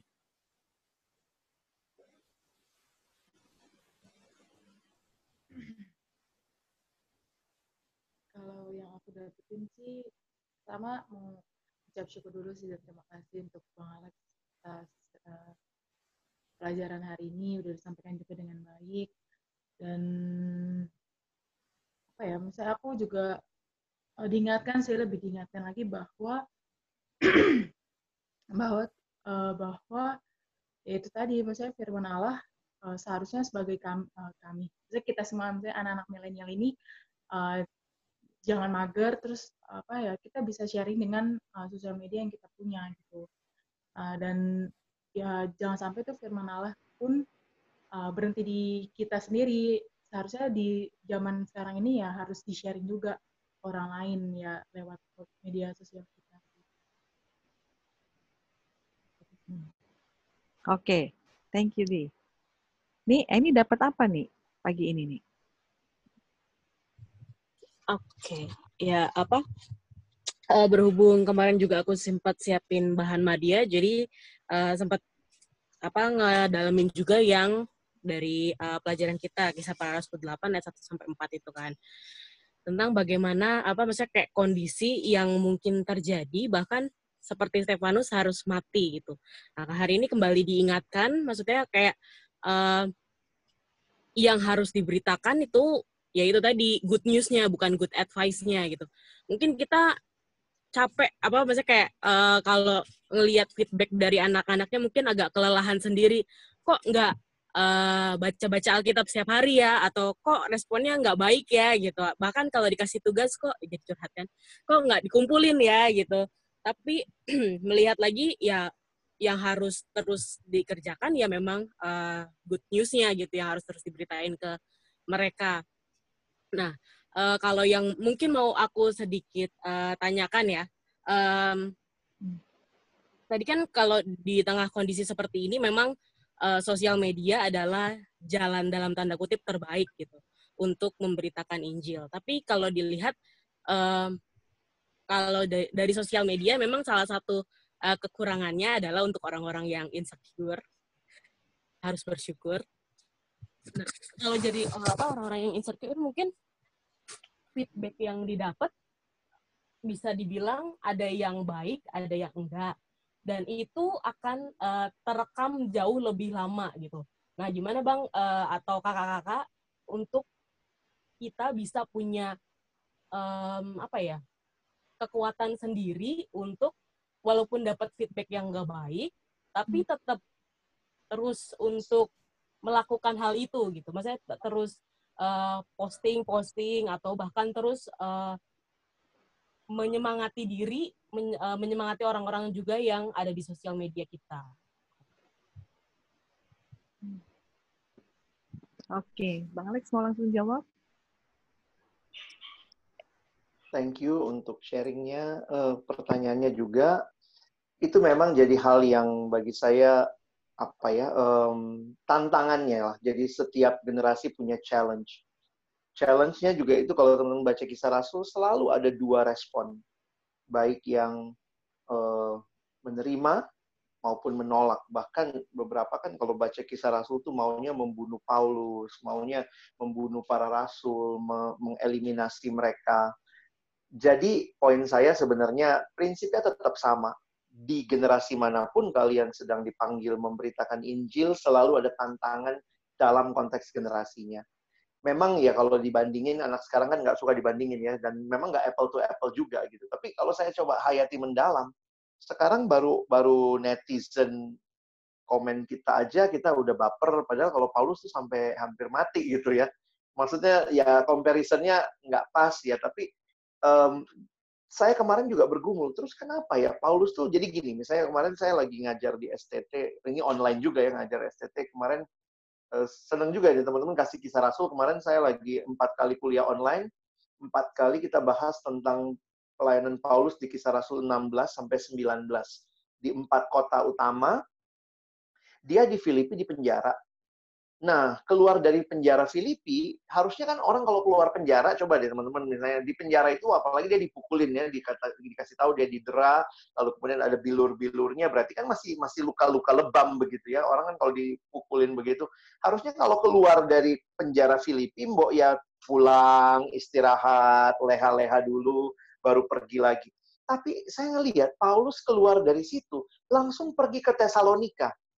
Di Tesalonika tiga minggu, habis itu dia dianiaya lagi di Tesalonika, dia dia pergi lagi ke Berea. Perginya ngapain? Di Filipi masuk penjara karena beritain Injil. Keluar dari penjara Filipi ke Tesalonika, beritain Injil lagi. Ini orang gila apa ya gitu ya. Nah terus jadi waktu menghayati itu, apa sih yang menggerakkan sampai kayaknya nggak peduli banget dengan uh, apa situasi yang dia hadapi gitu ya. Bagaimana Paulus menyemangati diri? Kalau bahasa kita sekarang ya, saya melihatnya jawabannya di 2 Tesalonika pasal 2 ayat yang pertama. Jadi dia punya penghayatan bahwa uh, ini kalimat ini menarik nih ya. 2 Tesalonika 1 ayat 1, 2 Tesalonika 2 ayat 1. Kami sendiri pun memang tahu, saudara-saudara, bahwa kedatangan kami di antara kamu tidaklah sia-sia. Perhatikan ayat 2. Tetapi sungguh pun kami sebelumnya seperti kamu tahu, telah dianiaya dan dihina di Filipi. Jadi kan sebelum dia ke Tesalonika, dia di, di Filipi masuk penjara. Namun dengan pertolongan Allah kita, kami beroleh keberanian untuk memberitakan Injil Allah kepada kamu, dalam perjuangan yang berat. Jadi udah dihina, dianiaya di Filipi, datang ke Tesalonika juga dalam perjuangan yang berat, tapi kesimpulannya menarik tuh. Kedatangan kami di antara kamu tidaklah sia-sia. Ini orang yang tidak digerakkan oleh situasi, kondisi, atau bahkan respon orang. Ini orang, Paulus ini, seorang yang digerakkan oleh visi dari Allah dia dapat visi itu. Makanya kalimat di dalam kisah Rasul 26, ayat yang terakhir uh, di bagian itu, waktu dia bicara sama ya, Raja Agripa, dia bilang begini, kepada penglihatan yang dari sorga, tidak pernah aku tidak taat. Itu bagi saya luar biasa. Karena itu lihat, yang membuat Paulus keep on going, dia menyemangati dirinya dengan relasi dia dengan Tuhan. Tuhan, ini dihina nih. Ya udah. Habis itu dapat dari Tuhan, iya ya. Tuhan bilang, kamu alatku untuk bangsa lain. Pergi lagi dia. Jadi mungkin itu kali ya. Saya pikir mari semangati diri kita dengan relasi dengan Tuhan. Jadi ketika misalnya, kan kita jujur aja ya, posting sesuatu nggak di like juga marah. Udah baper. Gila, gue udah mikirin lama nih kontennya. Begitu diposting berharapnya banyak yang suka. Ternyata enggak. Kadang-kadang, ah, udahlah, malas posting lagi. Atau mungkin tiba-tiba ada netizen di bawah yang bercandain, padahal kita postingannya serius tiba-tiba eh udah tobat lo terus mulailah kita bilang ah males lah nanti jadi kadang-kadang ada hal-hal yang bagi saya ini very superficial tapi mari cari lebih dalam why I need to keep doing this because this is a promise of life that everyone needs to know about this message dan kalau teman-teman dapat itu, maka respon apa pun tidak menghalangimu untuk terus memberitakan Injil, terus memberitakan yang baik. Saya pikir itu ya. Oke, baik. Jadi mesti jelas ya visinya apa gitu ya. Jadi nggak tergantung pada like atau tidak like orang, bahkan mungkin respon yang langsung nggak suka dengan kita gitu ya. Oke, baik. Sekarang uh, Risti, ada pertanyaan Risti? Um, iya, aku mau nanya. Um, mau nanya, ini maksudnya pengalaman, aku pernah mengalami ini juga sih, tapi jujur sampai sekarang aku pun uh, bingung menghadapinya gitu. Uh, kalau misalnya, tadi kan Bang Alex sempat uh, singgung soal uh, pekabaran Injil tuh bukan soal karena kita lagi menjabat satu uh, kedudukan gitu, bukan karena kita lagi jadi pengurus, bukan karena kita lagi panitia atau apa-apa tapi kan uh, terus sepanjang hidup kita gitu. Nah, uh, aku sering banget uh, merasakan bahwa uh, kan peer groupku itu kan uh, masih banyak yang belum kenal Kristus dan sering kali aku berpikir untuk uh, mau memberitakan Injil sama mereka, entah kayak gimana caranya. Uh, tadi kalau misalnya udah Bang Alex sempat uh, bilang juga salah satu hal yang paling penting adalah pertama adalah mendoakan karena bukan kita yang mengubahkan mereka melainkan uh, Allah sendiri yang mengubah, mengubahkan mereka. Nah, tapi sering kali juga hal-hal itu jadinya uh, apa karena karena teman dekat jadi kan mereka tahu apa yang kulakukan apa kesalahanku uh, mungkin juga tahu beberapa dosa-dosaku ataupun hal-hal lainnya gitu dan uh, itu yang membuat apa ya membuat uh, mungkin bagiku itu jadi benteng yang tinggi untuk aku bisa mengabarkan Injil sama mereka. Maksudnya kan tadi kehidupan kita adalah kitab yang terbuka juga bagi mereka. Jadi mereka bisa lihat juga apa kesalahan kita, apa dosa kita, apa yang kita lakukan kayak gitu. Sesim sesimpel kayak misalnya kita kita bohong sama mereka pun misalnya uh, lagi janjian terus bilang OTW padahal belum OTW kayak gitu itu kan sesimpel kayak gitu aja itu udah mereka bisa lihat itu kan dari dalam diri kita. Hmm. Maksudnya itu mereka bisa uh, lihat apa bedanya uh, lu mau ngaba lu mau beritakan sesuatu ke gua tapi lu tuh kehidupannya juga sama aja sama gua. Dan itu yang uh, membuatku apa ya maksudnya satu hal yang um, me membuat aku jadi ragu untuk memberitakan Injil sama mereka. Dan se sebesar apa pun usahaku untuk bisa memperbaiki kesalahanku memperbaiki dan tidak melakukan dosa-dosaku lagi uh, yang namanya manusia pasti tetap jatuh kayak gitu. Maksudnya ada kalanya aku berusaha tapi tetap jatuh juga. Dan uh, gimana, maksudnya aku udah berusaha sebisa mungkin untuk menghilangkan pikiran-pikiran jahat, pikiran-pikiran yang kayak uh, ya namanya manusia pasti punya salah, hmm. tapi harus tetap memberitakan Injil. Tapi nggak, aku nggak memungkiri juga bahwa pikiran-pikiran seperti itu atau mungkin pandangan-pandangan teman-temanku yang atau mungkin orang lain yang melihat hidupku tuh mungkin ya sama aja jatuh-jatuh juga sama mereka. Maksudnya gimana caranya supaya kita bisa melawan pikiran dari si jahat ini supaya tetap mengabarkan Injil itu? Karena uh, ya gimana pun aku berusaha me me menghilangkan pikiran dari si jahat ini rasanya tetap kayak aduh kayaknya diriku belum sempurna nih untuk bisa mengabarkan Injil. Walaupun ya gak akan pernah sempurna juga sih gitu bang. Langsung jawab atau? Boleh boleh boleh bang Alex langsung jawab. Siapa tadi namanya? Risti Risti ya? Risti uh, Risti thank you. Ini ini struggle kita semua. It's hmm. good question good sharing dan saya harus ingatkan juga bahwa itu juga pergumulan saya. Bahwa teman-teman yang dekat bahkan mungkin yang paling sulit katanya memberitakan Injil itu kepada keluarga sendiri karena mereka yang paling tahu busuk-busuknya kita. Lu ngomongnya dalam Tuhan, percaya Yesus, bangun pagi aja nggak beresin tempat tidur gitu ya. Jadi itu realita-realita yang ada dan itu uh, real. Saya harus katakan real kita alami. Nah, tapi menariknya, yang menariknya adalah kenapa Tuhan pakai kita beritakan Injil. Itu yang terus saya suka gumulkan ya. Kenapa Tuhan udah tahu kita nggak sempurna begini, Mbak Risti juga tadi udah bilang ya kita juga nggak bakal bisa sempurna. Kenapa kita yang dipakai gitu? Nah itu yang bagi saya selalu amazed bahwa uh, why have you chosen me? Kenapa Tuhan mau pilih saya untuk memberitakan Injil?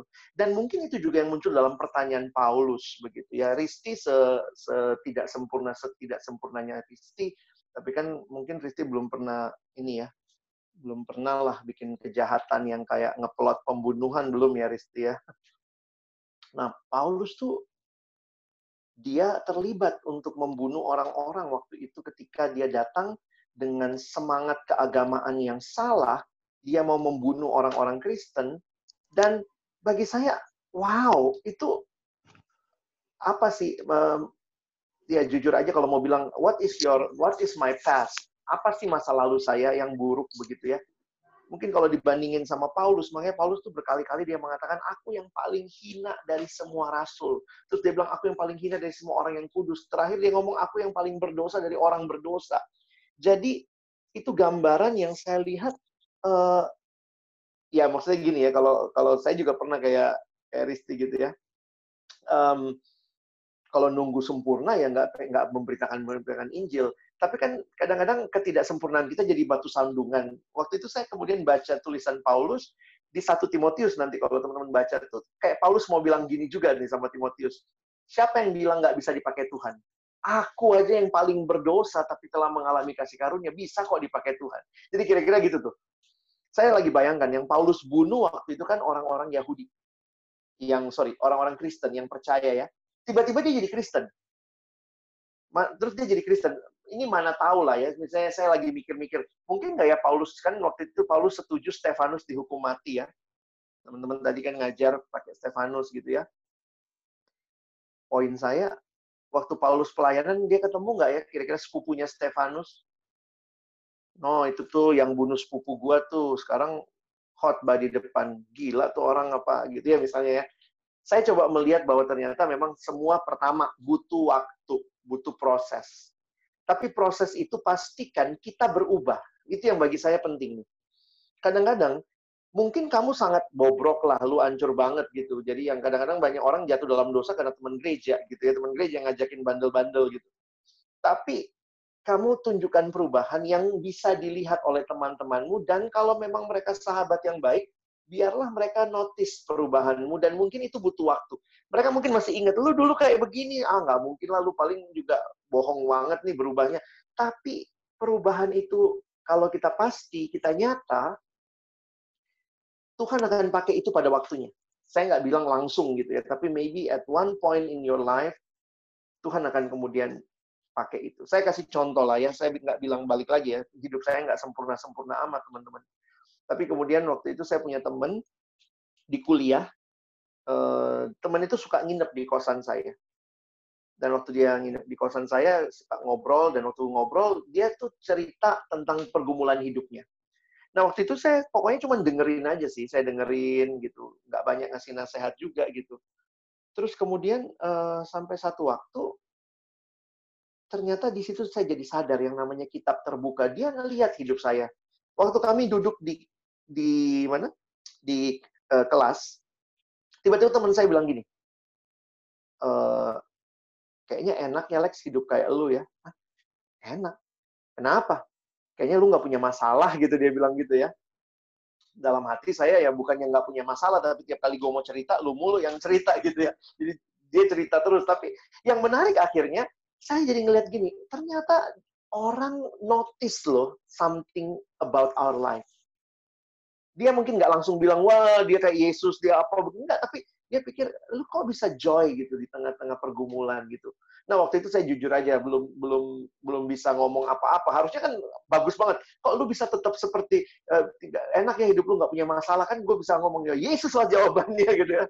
Tapi waktu itu nggak terjadi karena saya juga bingung gitu kaget gitu ya. Wow jadi teman-teman kalau itu sahabat-sahabat terbaikmu yang kenal kamu, tahu busuk-busukmu, tapi jangan lupa loh, sedikit kamu berubah, mereka pun akan notice. Dan itu jadi jalan masuk, kamu bisa bersaksi. Jadi jangan takut bersaksi, jangan takut berubah, karena itu aku aku pikir Tuhan nggak kebetulan kok tempatin kita. Jadi buang pikiran-pikiran yang ya ntar kalau ngomong dia bakal gini gitu. Saya akhirnya ketika jadi pendeta jadi hamba Tuhan, terus kemudian berkhotbah di depan orang tua saya, di depan papa mama saya, yang kayaknya tahu siapa saya, busuk-busuknya saya, pergumulan masa remaja saya. Harusnya kan mereka bisa ngomong, anak gue ini apaan sih ngomong, ngomong doang gitu ya. Tapi ternyata Tuhan pakai tuh. Nah itu biar bagian Tuhan tuh untuk pikiran mereka. Mereka masih bilang kita bandel, kita nakal, ah, itu urusannya mereka. Tapi kita sungguh-sungguh mengalami perubahan. Saya uh, ambil satu ayat untuk menjelaskan ini yang terakhir ya, satu Timotius 4. Jadi dalam surat kepada Timotius, 1 Timotius 4 ayat yang ke-16, sekali lagi Paulus bilang gini sama Timotius, awasilah dirimu sendiri dan awasilah ajaranmu. Jadi awasi diri, ini berkaitan dengan perilaku.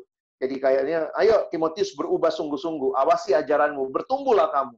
Kalimat berikutnya menarik, bertekunlah dalam semuanya itu. Kenapa mesti bertekun dalam pengajaran, bertekun dalam hidup yang baru?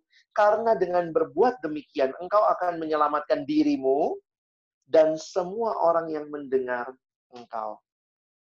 Jadi saya sungguh berharap teman-teman, uh, yuk jangan takut berubah itu bagian dari hidup dan berubah makin serupa dengan Kristus. Nah, ini jadi jalan masuk. Oke. Okay? Ada lagi nggak pertanyaannya? Oke, okay, ada nih, Bang Alex. Bacain aja, Iya. Jadi, uh -uh. katanya kita datang ke dunia ini tuh untuk melayani Tuhan atau menikmati hidup dari Tuhan. Ya, jadi kita datang ke dunia ini untuk melayani Tuhan atau menikmati hidup dari Tuhan? Um, thank you pertanyaannya. Mungkin yang perlu kita ingat, jangan terlalu dikotomis seperti itu. Seolah-olah kan yang satu fokusnya diriku, yang satu fokusnya harus Tuhan. Saya tetap melihat begini, sebenarnya kalau Tuhan yang menciptakan kita, maka kita dapat purpose in our life dari Tuhan kita. Kalau misalnya saya ciptakan benda ini ya, ini iPad saya, saya ciptakan benda ini. Maka saya yang paling tahu iPad ini gunanya apa. Jadi sebenarnya saya akan bisa atau iPad ini akan begitu berguna kalau dia tahu tujuan penciptanya. iPad ini akan enjoy how he atau how it should be kalau dia tahu apa purpose penciptanya. Jadi kalau demikian saya tetap melihat mesti mengerti siapa sumber. Jadi karena Tuhanlah sumber segala-galanya, maka waktu kita kenal dia, kita tahu tujuan hidup kita, dan dalamnya kita jadi ngerti Tuhan mau kita melayani dia, Tuhan mau kita hidup bagi dia, Tuhan mau kita hidup benar, Tuhan mau juga kita enjoy our life, itu itu part of the things that God given us. Misalnya rekreasi itu, sebenarnya rekreasi itu satu gambaran uh, kejadian pasal satu dalam bahasa dalam bahasa Inggris kan recreation, menciptakan ulang. Sehingga uh, kadang-kadang uh, aku mau main futsal dulu ah, mau main game, enjoy myself gitu, part of recreation, ya itu ada bagian juga di dalamnya. Tapi yang mungkin harus kita ingat, life is not only about ourselves, tapi mesti kita bisa tempatkan dalam perspektif yang benar. Karena itu bagaimana kita misalnya uh, ya main game yang tepat, ya main game yang tidak lupa waktu, main game yang bagian our leisure time-nya kadang-kadang jadi salah ketika kita menjadikan game segala-galanya. Baca Alkitab nggak pernah, nge-game bisa sepanjang malam. Baca Alkitab dua ayat ketiduran. Jadi ada hal-hal yang aku pikir uh, you you can Tuhan nggak anti kenikmatan ya. Tuhan nggak anti kenikmatan karena Tuhan yang ciptakan kenikmatan. Kalau sekarang psikologi menjelaskan ada hormon dopamin yang dilepaskan memberikan rasa nyaman, rasa senang. Emang yang ciptain dopamin siapa? Tuhan kan. Jadi Tuhan tidak tidak tidak uh, bukan Tuhan yang anti kesenangan, anti kenikmatan, tetapi Tuhan yang juga mau kita menggunakan semuanya diatur dengan baik supaya tidak ada bagian-bagian yang saling uh, meniadakan. Makanya di situlah pentingnya kita uh, manage our life better gitu ya. Oke, terima kasih Bang Alex. Ini ada pertanyaan lagi ya. Langsung WhatsApp ke aku. Bagaimana caranya supaya kita bisa tetap tenang dan wise uh, waktu mengabarkan Injil? Karena kadang-kadang kita terjebak di dalam menghakimi. Jadinya suka sarkasme, suka uh, meremehkan atau sebenarnya bukan maksud sih mau meremehkan, tetapi uh, jadi uh, suka terhenti untuk share sesuatu karena jatuhnya jadi uh, sarkas. Gitu. Ada ayatnya nggak bang yang bisa menolong saya untuk bisa menguatkan saya? terima kasih. Memang itu tantangan besar buat kita ya. Kita Hmm. memang apalah kita ini gerombolan netizen lah. Julid tiada henti ya. Memang senengnya kita yang paling benar, orang lain salah, orang lain pun kita komenin gitu ya. Tapi kita nggak suka digituin ya, at the same time. Nah, sebenarnya ada hal yang menarik, kapan-kapan nanti kita bisa bahas, tapi saya kasih prinsipnya dulu. Waktu saya belajar prinsip Injil, the gospel, ternyata Injil itu bukan hanya untuk diberitakan oleh kita, tetapi hidup kita pun harus seirama dengan Injil itu. Nah, itu yang muncul waktu Paulus juga bilang di kitab Filipi, hendaklah hidupmu sepadan dengan Injil itu. Nah, jadi saya lagi mikir gitu. Uh, ada satu buku yang saya baca, dia bilang begini, The gospel is not for new believer, but for all believers. Harusnya pola Injil itu menjadi pola semua orang Kristen. Nah, polanya apa? Sederhana. Polanya begini. Kalau saya sudah alami Injil, maka harusnya dalam hidup saya melihat orang pun harus pakai kacamata Injil. Nah, jadi eh, menarik sekali poin sederhananya begini. Perspektif kita akan berubah ketika kita punya kacamata Injil. Nah, salah satu yang berubah adalah perspektif untuk melihat orang lain. Contohnya begini. Kalau Injil itu good, kalau kalau berita Injil itu good advice, nah ini contoh aja ya, coba kita elaborasi. Kalau itu good advice, maka berarti ke orang itu bisa selamat kalau dia selamat karena karena apa? Karena usaha dia kan. Siapa yang dimuliakan? Ya dia yang berusaha. Jadi dia akan bisa bilang tuh kalau kalau benar orang bisa masuk surga selamat karena perbuatan baik, maka di surga tuh banyak orang sombong. Eh, kenapa lu masuk sini? Ah, gue kemarin baru sumbang tuh bangun empat gereja. Lu kenapa masuk sini? Oh, gue baru tuh kemarin cuci bajunya si Paus, misalnya begitu ya. Bisa jadi kalau itu adalah karena kita. Jadi, the way we understand the gospel helps us to see many things in our life. Kalau saya melihat Injil itu good advice, maka saya akan melihat saya itu baik, makanya bisa selamat. Nah, itu kan? Berarti orang yang mengertinya good advice melihat dunia itu dua dua kacamata, eh, dua dua tipe orang.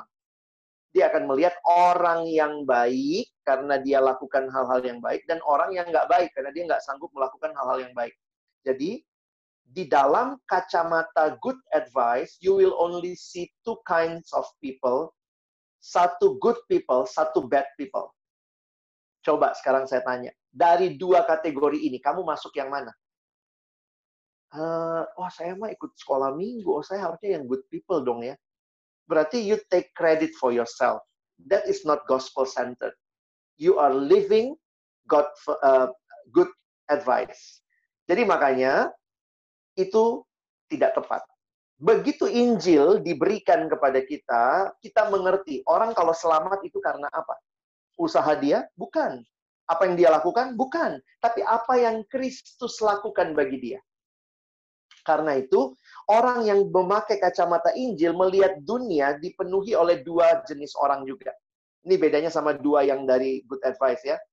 Duanya pertama adalah orang jahat yang belum bertobat dan orang jahat yang sudah bertobat. Beda ya. Kalau tadi orang baik dan orang jahat. Kenapa? Karena my uh, apa ya usahaku membuat aku jadi pride, bisa orang baik, orang jahat. Tapi Injil membuat kita jadi melihat bahwa sebenarnya semua kita ini orang jahat kok. Satu sudah bertobat, satu belum bertobat. Jadi, ketika kita punya cara pandang Injil, melihat orang lain dari agama lain yang nyebelin banget, yang kadangnya kayak waktu lihat dia, ih kesel banget, terus kita jadi sadarnya apa? Bukan kalau good advice, gue orang baik, dia orang jahat. Tapi kalau gospel, sebenarnya gue juga bisa sama kayak dia. Gue nggak lebih baik dari dia. Cuman karena gue udah alami anugerah Tuhan. Nah, itu common ground yang bisa menolong kita tidak menghakimi. When the gospel really shape your life, then you will see. Kamu bisa melihat lebih clear. Saya jujur, sebel banget sama si itu ya, HR yang nggak pulang-pulang itu. Sebel ngelihat komen-komen dia gitu.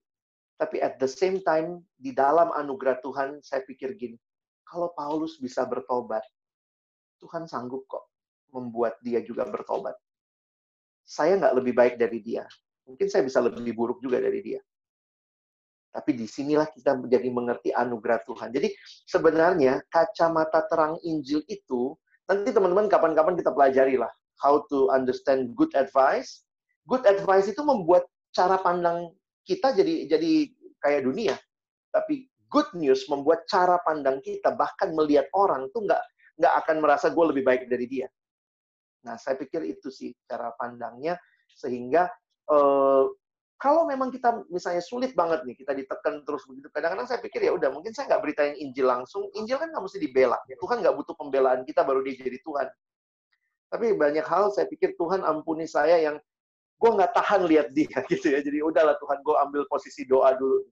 Karena masalahnya sebenarnya bukan di dianya, masalahnya di sayanya yang lagi tidak punya compassion sama dia. Nah mungkin kira-kira gitu kali ya, lihat. Oke, terima kasih Bang Alex. Ada lagi teman-teman yang ingin ditanyakan?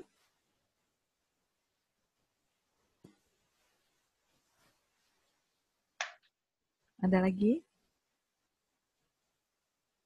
Sudah? Jelas? Oh, ada nih. Mungkin yang terakhir ya. Oke. Uh -uh. Silakan. Bang Alex, gimana caranya? Kadang-kadang waktu uh, kita ada di dalam kelompok, baik di kelas-kelas sekolah minggu atau hmm. uh, mungkin di kelompok uh, PA gitu ya, kadang-kadang uh, kita sharing firman Tuhan sama sharing tentang hidup kita tuh jadi nggak balance gitu.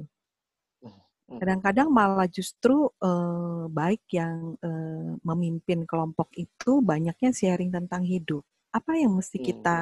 Mesti kita berhati-hati dengan itu? Karena kadang-kadang jadi porsinya malah uh, bukan hmm. firman Tuhan yang disampaikan, bukan uh, apa. Jadi hidup uh, kesaksian hidup kita yang lebih lebih hmm. apa lebih lebih dominan dinyatakan. Gimana menurut Bang Alex? Thank you ya mungkin kalau secara cepat saya jawabnya begini. Yang pertama begini ya, uh, mari kita belajar juga mengkaitkan kita butuh example, kita butuh teladan hidup gitu ya. Tapi mari juga berarti belajar untuk mengkaitkan firman itu dengan realita pengalaman kita yang tepat. Karena hati-hati juga ya, sering kali firman yang ngomong apa, cuman karena kita lagi pengen ngalamin itu, kita mau ceritain itu begitu. Jadi kadang dihubung-hubungin yang walaupun nggak berhubungan banget gitu. Jadi saya pikir kita pun mesti belajar bertanggung jawab. Mungkin buat teman-teman yang ngajar harus ada training-training mengajar yang uh, sekarang istilahnya itu ya gospel centered teaching. Jadi bahkan bisa melihat dengan kacamata Injil, kacamata gospel bukan good advice. Karena hati-hati, kalau kita tidak menceritakannya dengan baik, kita bisa jatuh ke dalam good advice juga. Saya kasih contoh lah ya. Uh, waktu saya dibimbing dulu, saya secara nggak sadar juga uh, kayak mungkin pemimpin kelompok saya dulu tidak punya pemahaman itu kepada saya, dia tidak berharapnya begitu. Cuma ini kayak tidak terelakkan. Jadi dia cerita tuh, aduh saya uh, pemimpin waktu saya masih zaman SMA ya, ada kakak rohani lah. Dia membimbing kami di sekolah. Terus dia cerita tuh, dia cerita tuh, oh bagaimana tadi pagi dia menikmati saat teduh, dia sampai saat teduh, tadinya dari 15 menit jadi setengah jam, dia luar biasa gitu ya. Nah saya waktu dengar itu kan jadi, wow. Terus ngelihatnya juga gini, karena dia ceritanya ceritanya tulus gitu, tapi mungkin karena dia nggak kasih framework gospelnya, jadi saya melihat itu upaya yang dia lakukan untuk jadi rohani. Jadi akhirnya besoknya saya coba tuh, mau baca nih, baca, baru baca amin, eh baru dua menit gimana bikin sampai setengah jam gitu. Jadi sebenarnya tanpa saya sadari, saya termakan ceritanya dia dan saya membawanya di dalam good advice. Nah, jadi akhirnya penghayatannya yang bisa jadi miss gitu. Karena akhirnya saya hanya menceritakan keberhasilan saya, eh, menceritakan bagaimana saya nikmatin dan segala macam tanpa misalnya bicara lebih dalam lagi bahwa sampai bisa nikmatin itu kan sebenarnya karena anugerah Allah yang bekerja dan seterusnya. Jadi um, memang itu itu perlu balance karena itu uh, sekarang ini banyak lah ya training-training how to uh, preach the gospel. Jadi bagaimana membingkai kisah kita pun supaya tidak jadi kisah heroik kita. Karena itu balik lagi kisah good advice nantinya tapi tetap bisa melihat Kristus di dalam kisah itu. Nah itu uh, ada teknik mengajarnya yang sekarang lagi dikembangkan. Teman-teman bisa cari banyak podcast gitu ya. Salah satu dari orang yang namanya Nancy Guthrie. Uh, memang masalahnya si Nancy Guthrie ini uh, dalam bahasa Inggris ya. Dia menceritakan juga ada teman saya Dani Gamadi, bisa cari juga Spotify-nya Dani Gamadi. Dia lagi bikin 30 hari uh, berkhotbah. Dani uh, menjelaskan bagaimana mengkhotbahkan Kristus dalam kisah-kisah bahkan perjanjian lama gitu. Karena kalau tidak itu cuma jadi kisah heroik Daud, kisah heroiknya Yusuf. Tapi where is Jesus in that story? Nah, teknik-teknik ini yang sebenarnya adalah uh, heritage-nya Alkitab yang harusnya kita pakai juga untuk menceritakan kisah kita. Supaya nggak jadi heroik yang salah. Kira-kira begitu. Nah, itu satu. Bisa kita pakai, jadi bagaimana supaya tidak membalance itu ya belajar berceritalah dengan tepat begitu. Tapi yang kedua juga begini. Karena saya melihat di sini ada keuntungan bagi teman-teman yang ngajar sekolah minggu rutin dan panjang. Maka teman-teman bisa jadi kan anak-anak ini akan ketemu teman-teman terus. Nah, karena ketemu teman-teman terus, maka sebenarnya tidak masalah juga. Mungkin hari ini banyak sharing hidupnya, mungkin. Tapi tentu kan pasti ada bahan Alkitabnya, itu mesti dibahas juga maka mungkin minggu ini fokusnya lagi banyak ceritain aplikasinya, tapi mungkin minggu depan karena ketemu lagi, kita bisa ceritain lagi lebih dalam yang bagian lain. Jadi saya melihat ini keuntungan yang bertemu lebih lama, sharing hidup dan sharing pengajaran harusnya itu menyatu sih ya. Dan memang pada akhirnya uh, ya balik yang Paulus bilang ya bukan cuma pengajaran tapi hidup juga anak-anak biasanya akan melihat hidup kita juga. Bagaimana kita berespon, bagaimana kita berbicara. Uh, your life speaks louder than your words. Jadi saya tetap melihat keep the balance. Nah, biasakan terima masukan dari teman-teman sesama guru yang mungkin hadir dan mendengar kita. Tadi gue gimana? Oh, lalu lu kebanyakan cerita diri lu misalnya atau lu tadi nggak bingkai itu dengan pemahaman di mana Yesus dalam cerita lu kayaknya lu yang uh, hero-nya of the story nah itu yang teman-teman mesti uh, belajar terbuka juga terima masukan ya karena saya makin saya, saya tetap yakin lah ya iman timbul dari pendengaran pendengaran akan firman Tuhan karena itu yang namanya sharing kita kisah kita itu bukan firman Tuhan itu tidak membawa orang bertumbuh, itu mungkin hanya membawa orang berempati, bersimpati, tapi kebenaran firman yang digali, disiapkan, makanya hargai kelas-kelas persiapan teman-teman, hargai bahan, coba gali, coba lihat ayatnya bilang apa, dan itu yang disampaikan, itu yang Tuhan akan uh, berkati ya. Thank you.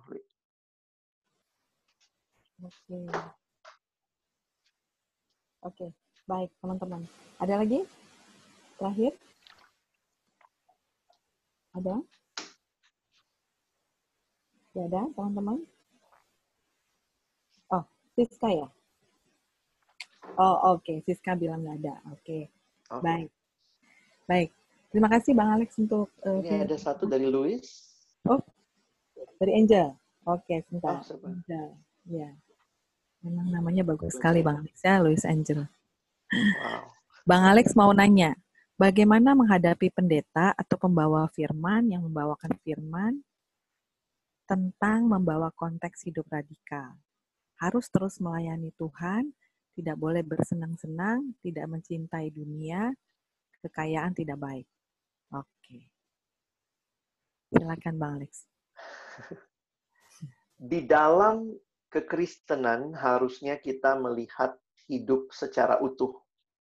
Jadi memang juga kalau kita lihat di Alkitab tuh Paulus atau Tuhan Yesus pun bahkan mengingatkan bahwa ada hal-hal yang tidak semuanya hanya kebutuhan spiritual, tapi juga ada kebutuhan-kebutuhan yang sifatnya hmm, ya kita butuhin. Yesus bilang uh, kamu butuh makan, pakaian, begitu. Jadi saya melihat memang ya gereja ini selalu kita kita berjuang lah untuk whole dan balance. Tapi at the same time bandul itu selalu bergerak. Kadang-kadang terlalu ke kiri, terlalu ke kanan gitu ya. Sampai ada yang bilang nggak bisa ya kita benar-benar di tengah. Nah, ada yang bilang sebenarnya kalau bandul itu seimbang di tengah itu berarti nggak bergerak lagi gitu ya. Jadi sebenarnya ketika terlalu ke kiri, terlalu ke kanan ini selalu tarik-tarikan. Nah, apa yang menarik adalah memang di satu sisi ada yang sangat menekankan mengikut Tuhannya dengan segala penderitaan dan kayaknya mengangkat dengan sangat tinggi theology of suffering. Nah, tapi di sisi lain ada lagi yang sangat mengangkat teologi of um, prosperity, kemakmuran. Nah, saya tetap melihat keduanya harus dilihat dengan balance. Kenapa? Karena di Alkitab tidak hanya semua hal itu uh, apa ya suffering gitu. Misalnya waktu Paulus bilang di dalam di dalam surat yang surat Filipi misalnya, Filipi ini surat yang dia tulis dari dalam penjara. Tapi ternyata paling banyak muncul kata sukacita. Jadi jangan juga dipikirkan bahwa radikal itu hanya suffering lalu suffering with no joy gitu. Tetap harus dihotbahkan sukacitanya, berkatnya. Waktu Paulus tulis di 2 Timotius pasal 1, dia bilang aku masuk penjara tapi Tuhan mengirim seperti keluarga Onesif eh, apa Onesiforus eh, orang-orang yang datang mencari Paulus sampai ke penjara begitu. Bagi saya uh, jadi Paulus mau bilang begini, suffering itu memang sakit banget, menyedihkan banget. Itu bukti radikalnya kita juga kadang sampai ngalamin suffering. Tapi ada berkat nggak ada? Tuhan kasih teman, Tuhan kasih orang-orang yang masih memperhatikan. Nah, jadi sisi yang lain yang satu pokoknya kalau ikut Tuhan hanya dapat berkat dapat berkat jauhkan penderitaan. Kenapa? Yesus sudah menanggung semuanya bagi kita di, di salib. Karena itu kita sekarang anak raja kita harusnya bukan lagi hidup dalam penderitaan. Saya pikir ini kok jadi nggak imbang nggak balance. Nah teman-teman sebagai orang-orang yang mungkin ya kita punya akal budi hikmat dari Tuhan waktu mendengar itu kalian harus bisa melihatnya dengan balance. Carilah buku-buku rohani yang baik penulis-penulis rohani yang baik, saya mengusulkan untuk belajar radikal, uh, baca bukunya John Stott, Murid yang Radikal. Ya, itu diterbitkan oleh kami dari Pekantas. Menarik sekali, John Stott memberikan beberapa pemahaman, dan dia sangat alkitabiah. Jadi dia sangat menggali itu ya, kayak orang baptis kalau lagi gali ayat itu semua diperhatiin gitu ya. Dan dia coba melihat balance-nya. Apa arti radikal? Nah, jadi di situ saya pikir uh, dapat pemahaman yang balance tidak berat sebelah. Tapi ini butuh proses ya, karena mungkin uh, yang memang menyedihkan adalah jemaat yang pendetanya pokoknya khotbahnya berkat terus, nggak pernah penderitaan. Atau pendetanya khotbahnya penderitaan terus, nggak pernah rasanya kayaknya dalam Tuhan ada sukacita. Jadi saya pikir memang sedih banget kalau ada teman-teman dari gereja-gereja yang seperti itu. Nah, harusnya sih berharap di gereja baptis tidak demikian ya. Kita tetap value berkat Tuhan, tapi juga tetap lihat komitmen ikut Tuhan itu memang ada harga yang harus dibayar. Thank you. Oke. Okay. Kalau memberitakan uh, Injil dengan debat-debat, hmm. apa sih kalimatnya yang terakhir tadi? Oh iya, apakah dibenarkan kalau kita memberitakan Injil lewat perdebatan? Karena akhir-akhir ini justru lewat debat terutama dengan agama sebelah. Jadi hmm. apologetik juga kali ya, justru Christian Prince ya. Ya, mengingat agama sebelah itu sering kali keras kepala. um, di dalam Alkitab, khususnya kitab Kisah Rasul, oh ini teman-teman nanti pelajari lagi Kisah Rasul ya menarik nih Kisah Rasul. Um, jadi nanti kalau kalian sempat pelajari kisah Rasul 16 sampai kisah Rasul 19 itu lumayan detail. Nah, Paulus menggunakan beberapa kata untuk menggambarkan bagaimana dia memberitakan Injil. Ada pengajaran, ada ada perdebatan, ada. Tapi sebenarnya perdebatan kata yang dipakai itu adalah dialog, dialogemai. Jadi maksudnya tanya jawab, berdebat atau memberikan pernyataan jadi istilahnya gini men, men, apa memberitahu bahwa itu tidak benar tapi dari perspektif yang yang tepat bagaimana begitu Nah, uh, ada juga yang argumentasi, ada juga istilah itu muncul. Jadi ada kira-kira empat atau lima istilah yang Paulus pakai, karena kemarin saya ngajar misiologi gitu ya. Jadi sebenarnya apa sih yang harus disampaikan? Jadi memberitakan Injil itu bukan cuma satu cara. Makanya menarik untuk pelajari kisah Rasul 16, lihat di Efesus dia bagaimana. Waktu di Athena, di Athena itu orang-orang yang tidak mengenal Allah. Bagaimana caranya Paulus memberitakan Injil? Nah, ada lagi tekniknya begitu.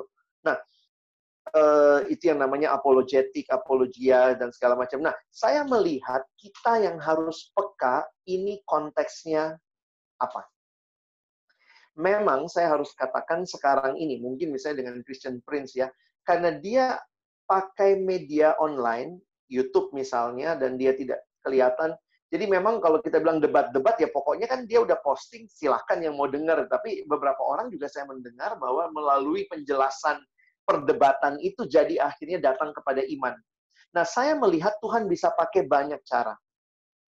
Mana yang paling rohani, mana yang paling benar, ya tergantung konteksnya. Karena Tuhan juga memberikan kepada kita pakai argumentasi. Nanti perhatikan waktu di kisah Rasul 16 misalnya. Kepada Lydia, kisah Rasul 16 itu di Filipi, Lydia itu dikatakan Tuhan membuka hatinya setelah mendengar penjelasan Paulus. Nah, lalu di bawahnya ada perempuan yang dirasuk roh jahat. Nah, waktu itu karena dia dirasuk roh jahat, Paulus nggak nggak berdebat sama dia, nggak menjelaskan seperti kepada Lydia, tapi dikatakan Paulus mengusir roh jahat dari wanita itu, baru wanita itu bergabung dengan timnya Paulus. Jadi kadang-kadang eh, nggak semuanya pakai perdebatan juga, bisa juga pakai dalam nama Yesus keluar kau iblis gitu ya. Dan bahkan waktu lihat di bawahnya lagi kepala penjara. Nah, kepala penjara ini dia punya pertanyaan moral. Karena dia mau bunuh diri tuh di kisah Rasul 16 waktu dia habis uh, gempa itu lalu dia takut semua orang udah keluar. Bayangkan begitu desperate-nya dia, desperate-nya dia dia mau bunuh diri. Nah, kalau kemudian dia tanya, apa yang harus aku lakukan? Nah, ini menarik nih, pertanyaan seperti itu. Jadi, dalam kesempatan memberitakan Injil, saya senang dengan kalimat Paulus tadi, siap sedialah kalau teman-teman ngelihat ini orang kayaknya perlu didebat. Kenapa? Karena dia memang mau belajar. Debat itu nggak nggak selamanya negatif ya. Sebenarnya kalau lihat di luar negeri debat itu bagus ya. Kalau debat itu orangnya mau dengar, asik, ayo kita debat. Tapi kalau kita udah lihat ini orang cuma mau cari-cari salahnya kita, pokoknya dia sudah cari semua mau jatuhin kita, ya udah kita juga tahan diri lah. Ngapain berdebat? Tuhan nggak butuh dibela kok. Tapi mungkin orang ini butuh diusir setan dari dirinya. Orang ini butuh penjelasan, mungkin butuh baca buku yang menolong. Orang ini perlu ketemu pendeta untuk dikonseling karena ternyata masalahnya bukan cuma Yesus tapi dia juga punya masalah rumah tangga. Jadi teman-teman yang akhirnya siap sedialah setiap kesempatan beritakan Injil dan pemberitaan Injil bukan cuma satu cara. Makanya kalau teman-teman dapat kesempatan nanti coba belajar beberapa metode-metode ber-PI karena itulah kesempatan kita melihat mana yang tepat dilakukan dalam konteks yang tepat. Jadi kira-kira begitu ya. Jadi saya nggak mau bilang yang debat pasti salah, nggak boleh karena tetap Tuhan bisa pakai. Nah sayangnya karena media sosial itu jadi yang nggak mau debat pun jadi ikut debat. Tapi ya saya melihat Tuhan bisa pakai semua hal. Thank you. Oke, Bang Alex. Baik, teman-teman semua juga, kita sudah sudah jam 10 ya, jam 10. Hmm. Terima kasih banyak, nggak berasa ya. Sama-sama. Ya, kita kita uh, kalau Tuhan izinkan mungkin nanti lain waktu kita bisa uh, minta lagi Bang boleh. Alex kita diskusi hal yang lain gitu ya, hmm. supaya uh, good news itu boleh hadir di dalam setiap kesempatan hidup kita, gitu ya. Hmm. Bukan hanya good advice, uh, yang hadir dan kita uh, sungguh-sungguh menjadi uh, penyampai-penyampai berita sukacita itu. Baik, uh, kita akan uh, tutup uh, firman Tuhan dan diskusi kita. Minta uh, kesediaan nanti Bang Alex berdoa, kemudian nanti baru ada pengumuman sedikit dari uh, Kak Joko, ya. Oke, Bang Alex minta tolong berdoa. Teman-teman, mari kita satukan hati, kita berdoa. Bapa di dalam surga, kami bersyukur hari ini kami makin memahami apa yang menjadi kerinduan hatimu ya Tuhan. Ketika Engkau juga membawa kami dalam keselamatan, mengenal Yesus sebagai satu-satunya Tuhan dan Juru Selamat, kami pun dipercayakan berita Injil berita tentang hidup, janji tentang hidup yang membawa kami juga terus bergumul di dalam segala kesempatan, dengan segala kebenaran, dan dengan segala usaha untuk memberitakannya. Hamba berdoa bagi teman-teman dari Gereja Baptis Kebayoran secara khusus, kelas ini benar-benar disemangati kembali. Bahkan dalam situasi yang sulit seperti ini, kami tetap bisa melihat kesempatan-kesempatan Injil diberitakan. Tolong kami juga, kami hadir di keluarga kami masing-masing, mungkin banyak interaksi dengan mereka, biarlah hidup yang berpadanan dengan Injil juga kami alami.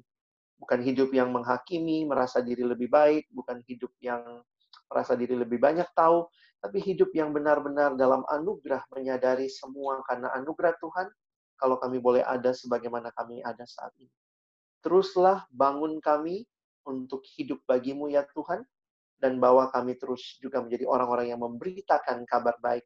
Kami sekali lagi bersyukur, berterima kasih, menutup pertemuan kami dalam nama Yesus kami berdoa. Amin. Terima kasih. Oke, baik. Kita mau dokumentasi dulu. Ya, Mia tolong Iko, boleh Iko? Oke. Boleh, boleh, boleh.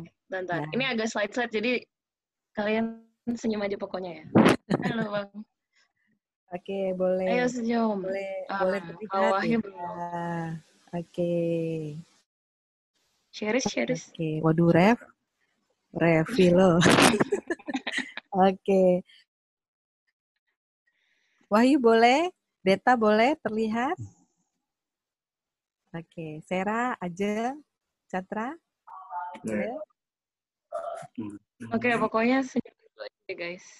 Iya. Ayo dia belum. Eh, Sandy mukanya, sorry.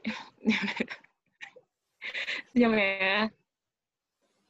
Nah, tunggu-tunggu. Aku save dulu. Tunggu. em, terus, terus. Senyum-senyum. Tunggu, tunggu, Kak. Itu Diana M mau Diana ya? Yaudah. Yuk, senyum. Satu, dua. Oke.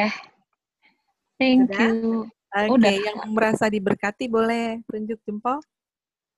Terima kasih Bang Alex. Terima kasih untuk firmannya. Oke, semua thumbs-nya keluar ya. Oke, baik teman-teman. Sebelum kita eh, live meeting, eh, Kak Joko ada yang mau disampaikan? Ada?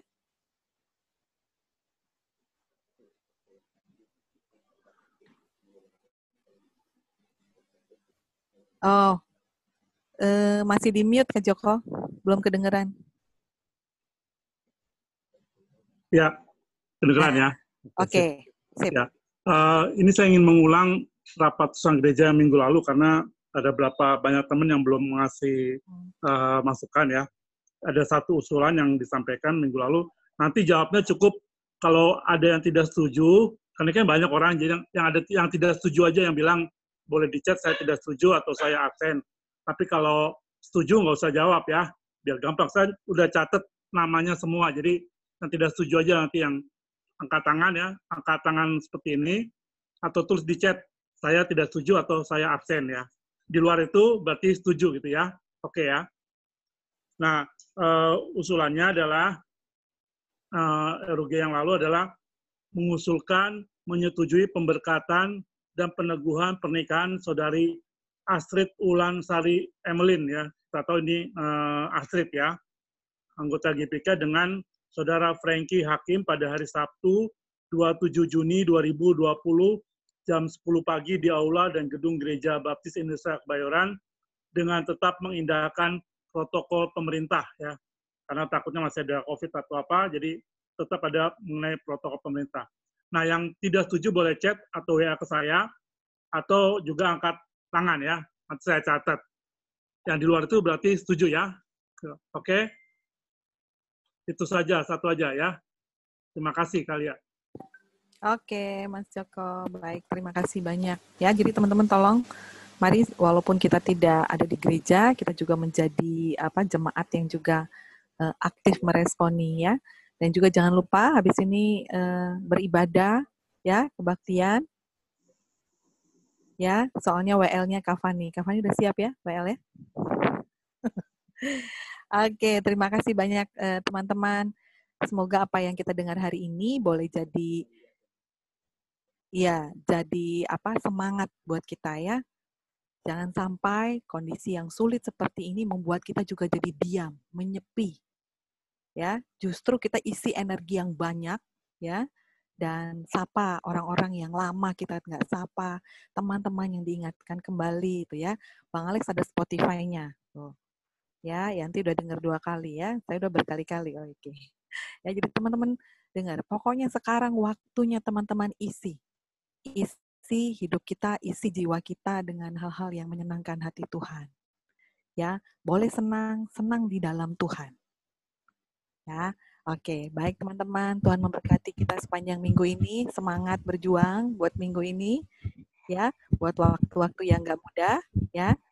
Kalau ada hal-hal yang ingin disampaikan atau ada hal-hal yang ingin didoakan, boleh nanti chat ke guru-guru atau uh, ada yang mau ditanyakan yang urgent yang membuat teman-teman rasa dan ya. Oke, terima kasih banyak. Tuhan berkati kita sepanjang minggu yang baru ini. Dan selamat beribadah, selamat berbakti. Terima kasih Bang Alex. Terima kasih. Ya, Terima kasih. Thank you ya. Selamat hari Minggu semuanya. Thank you semuanya. Terima kasih.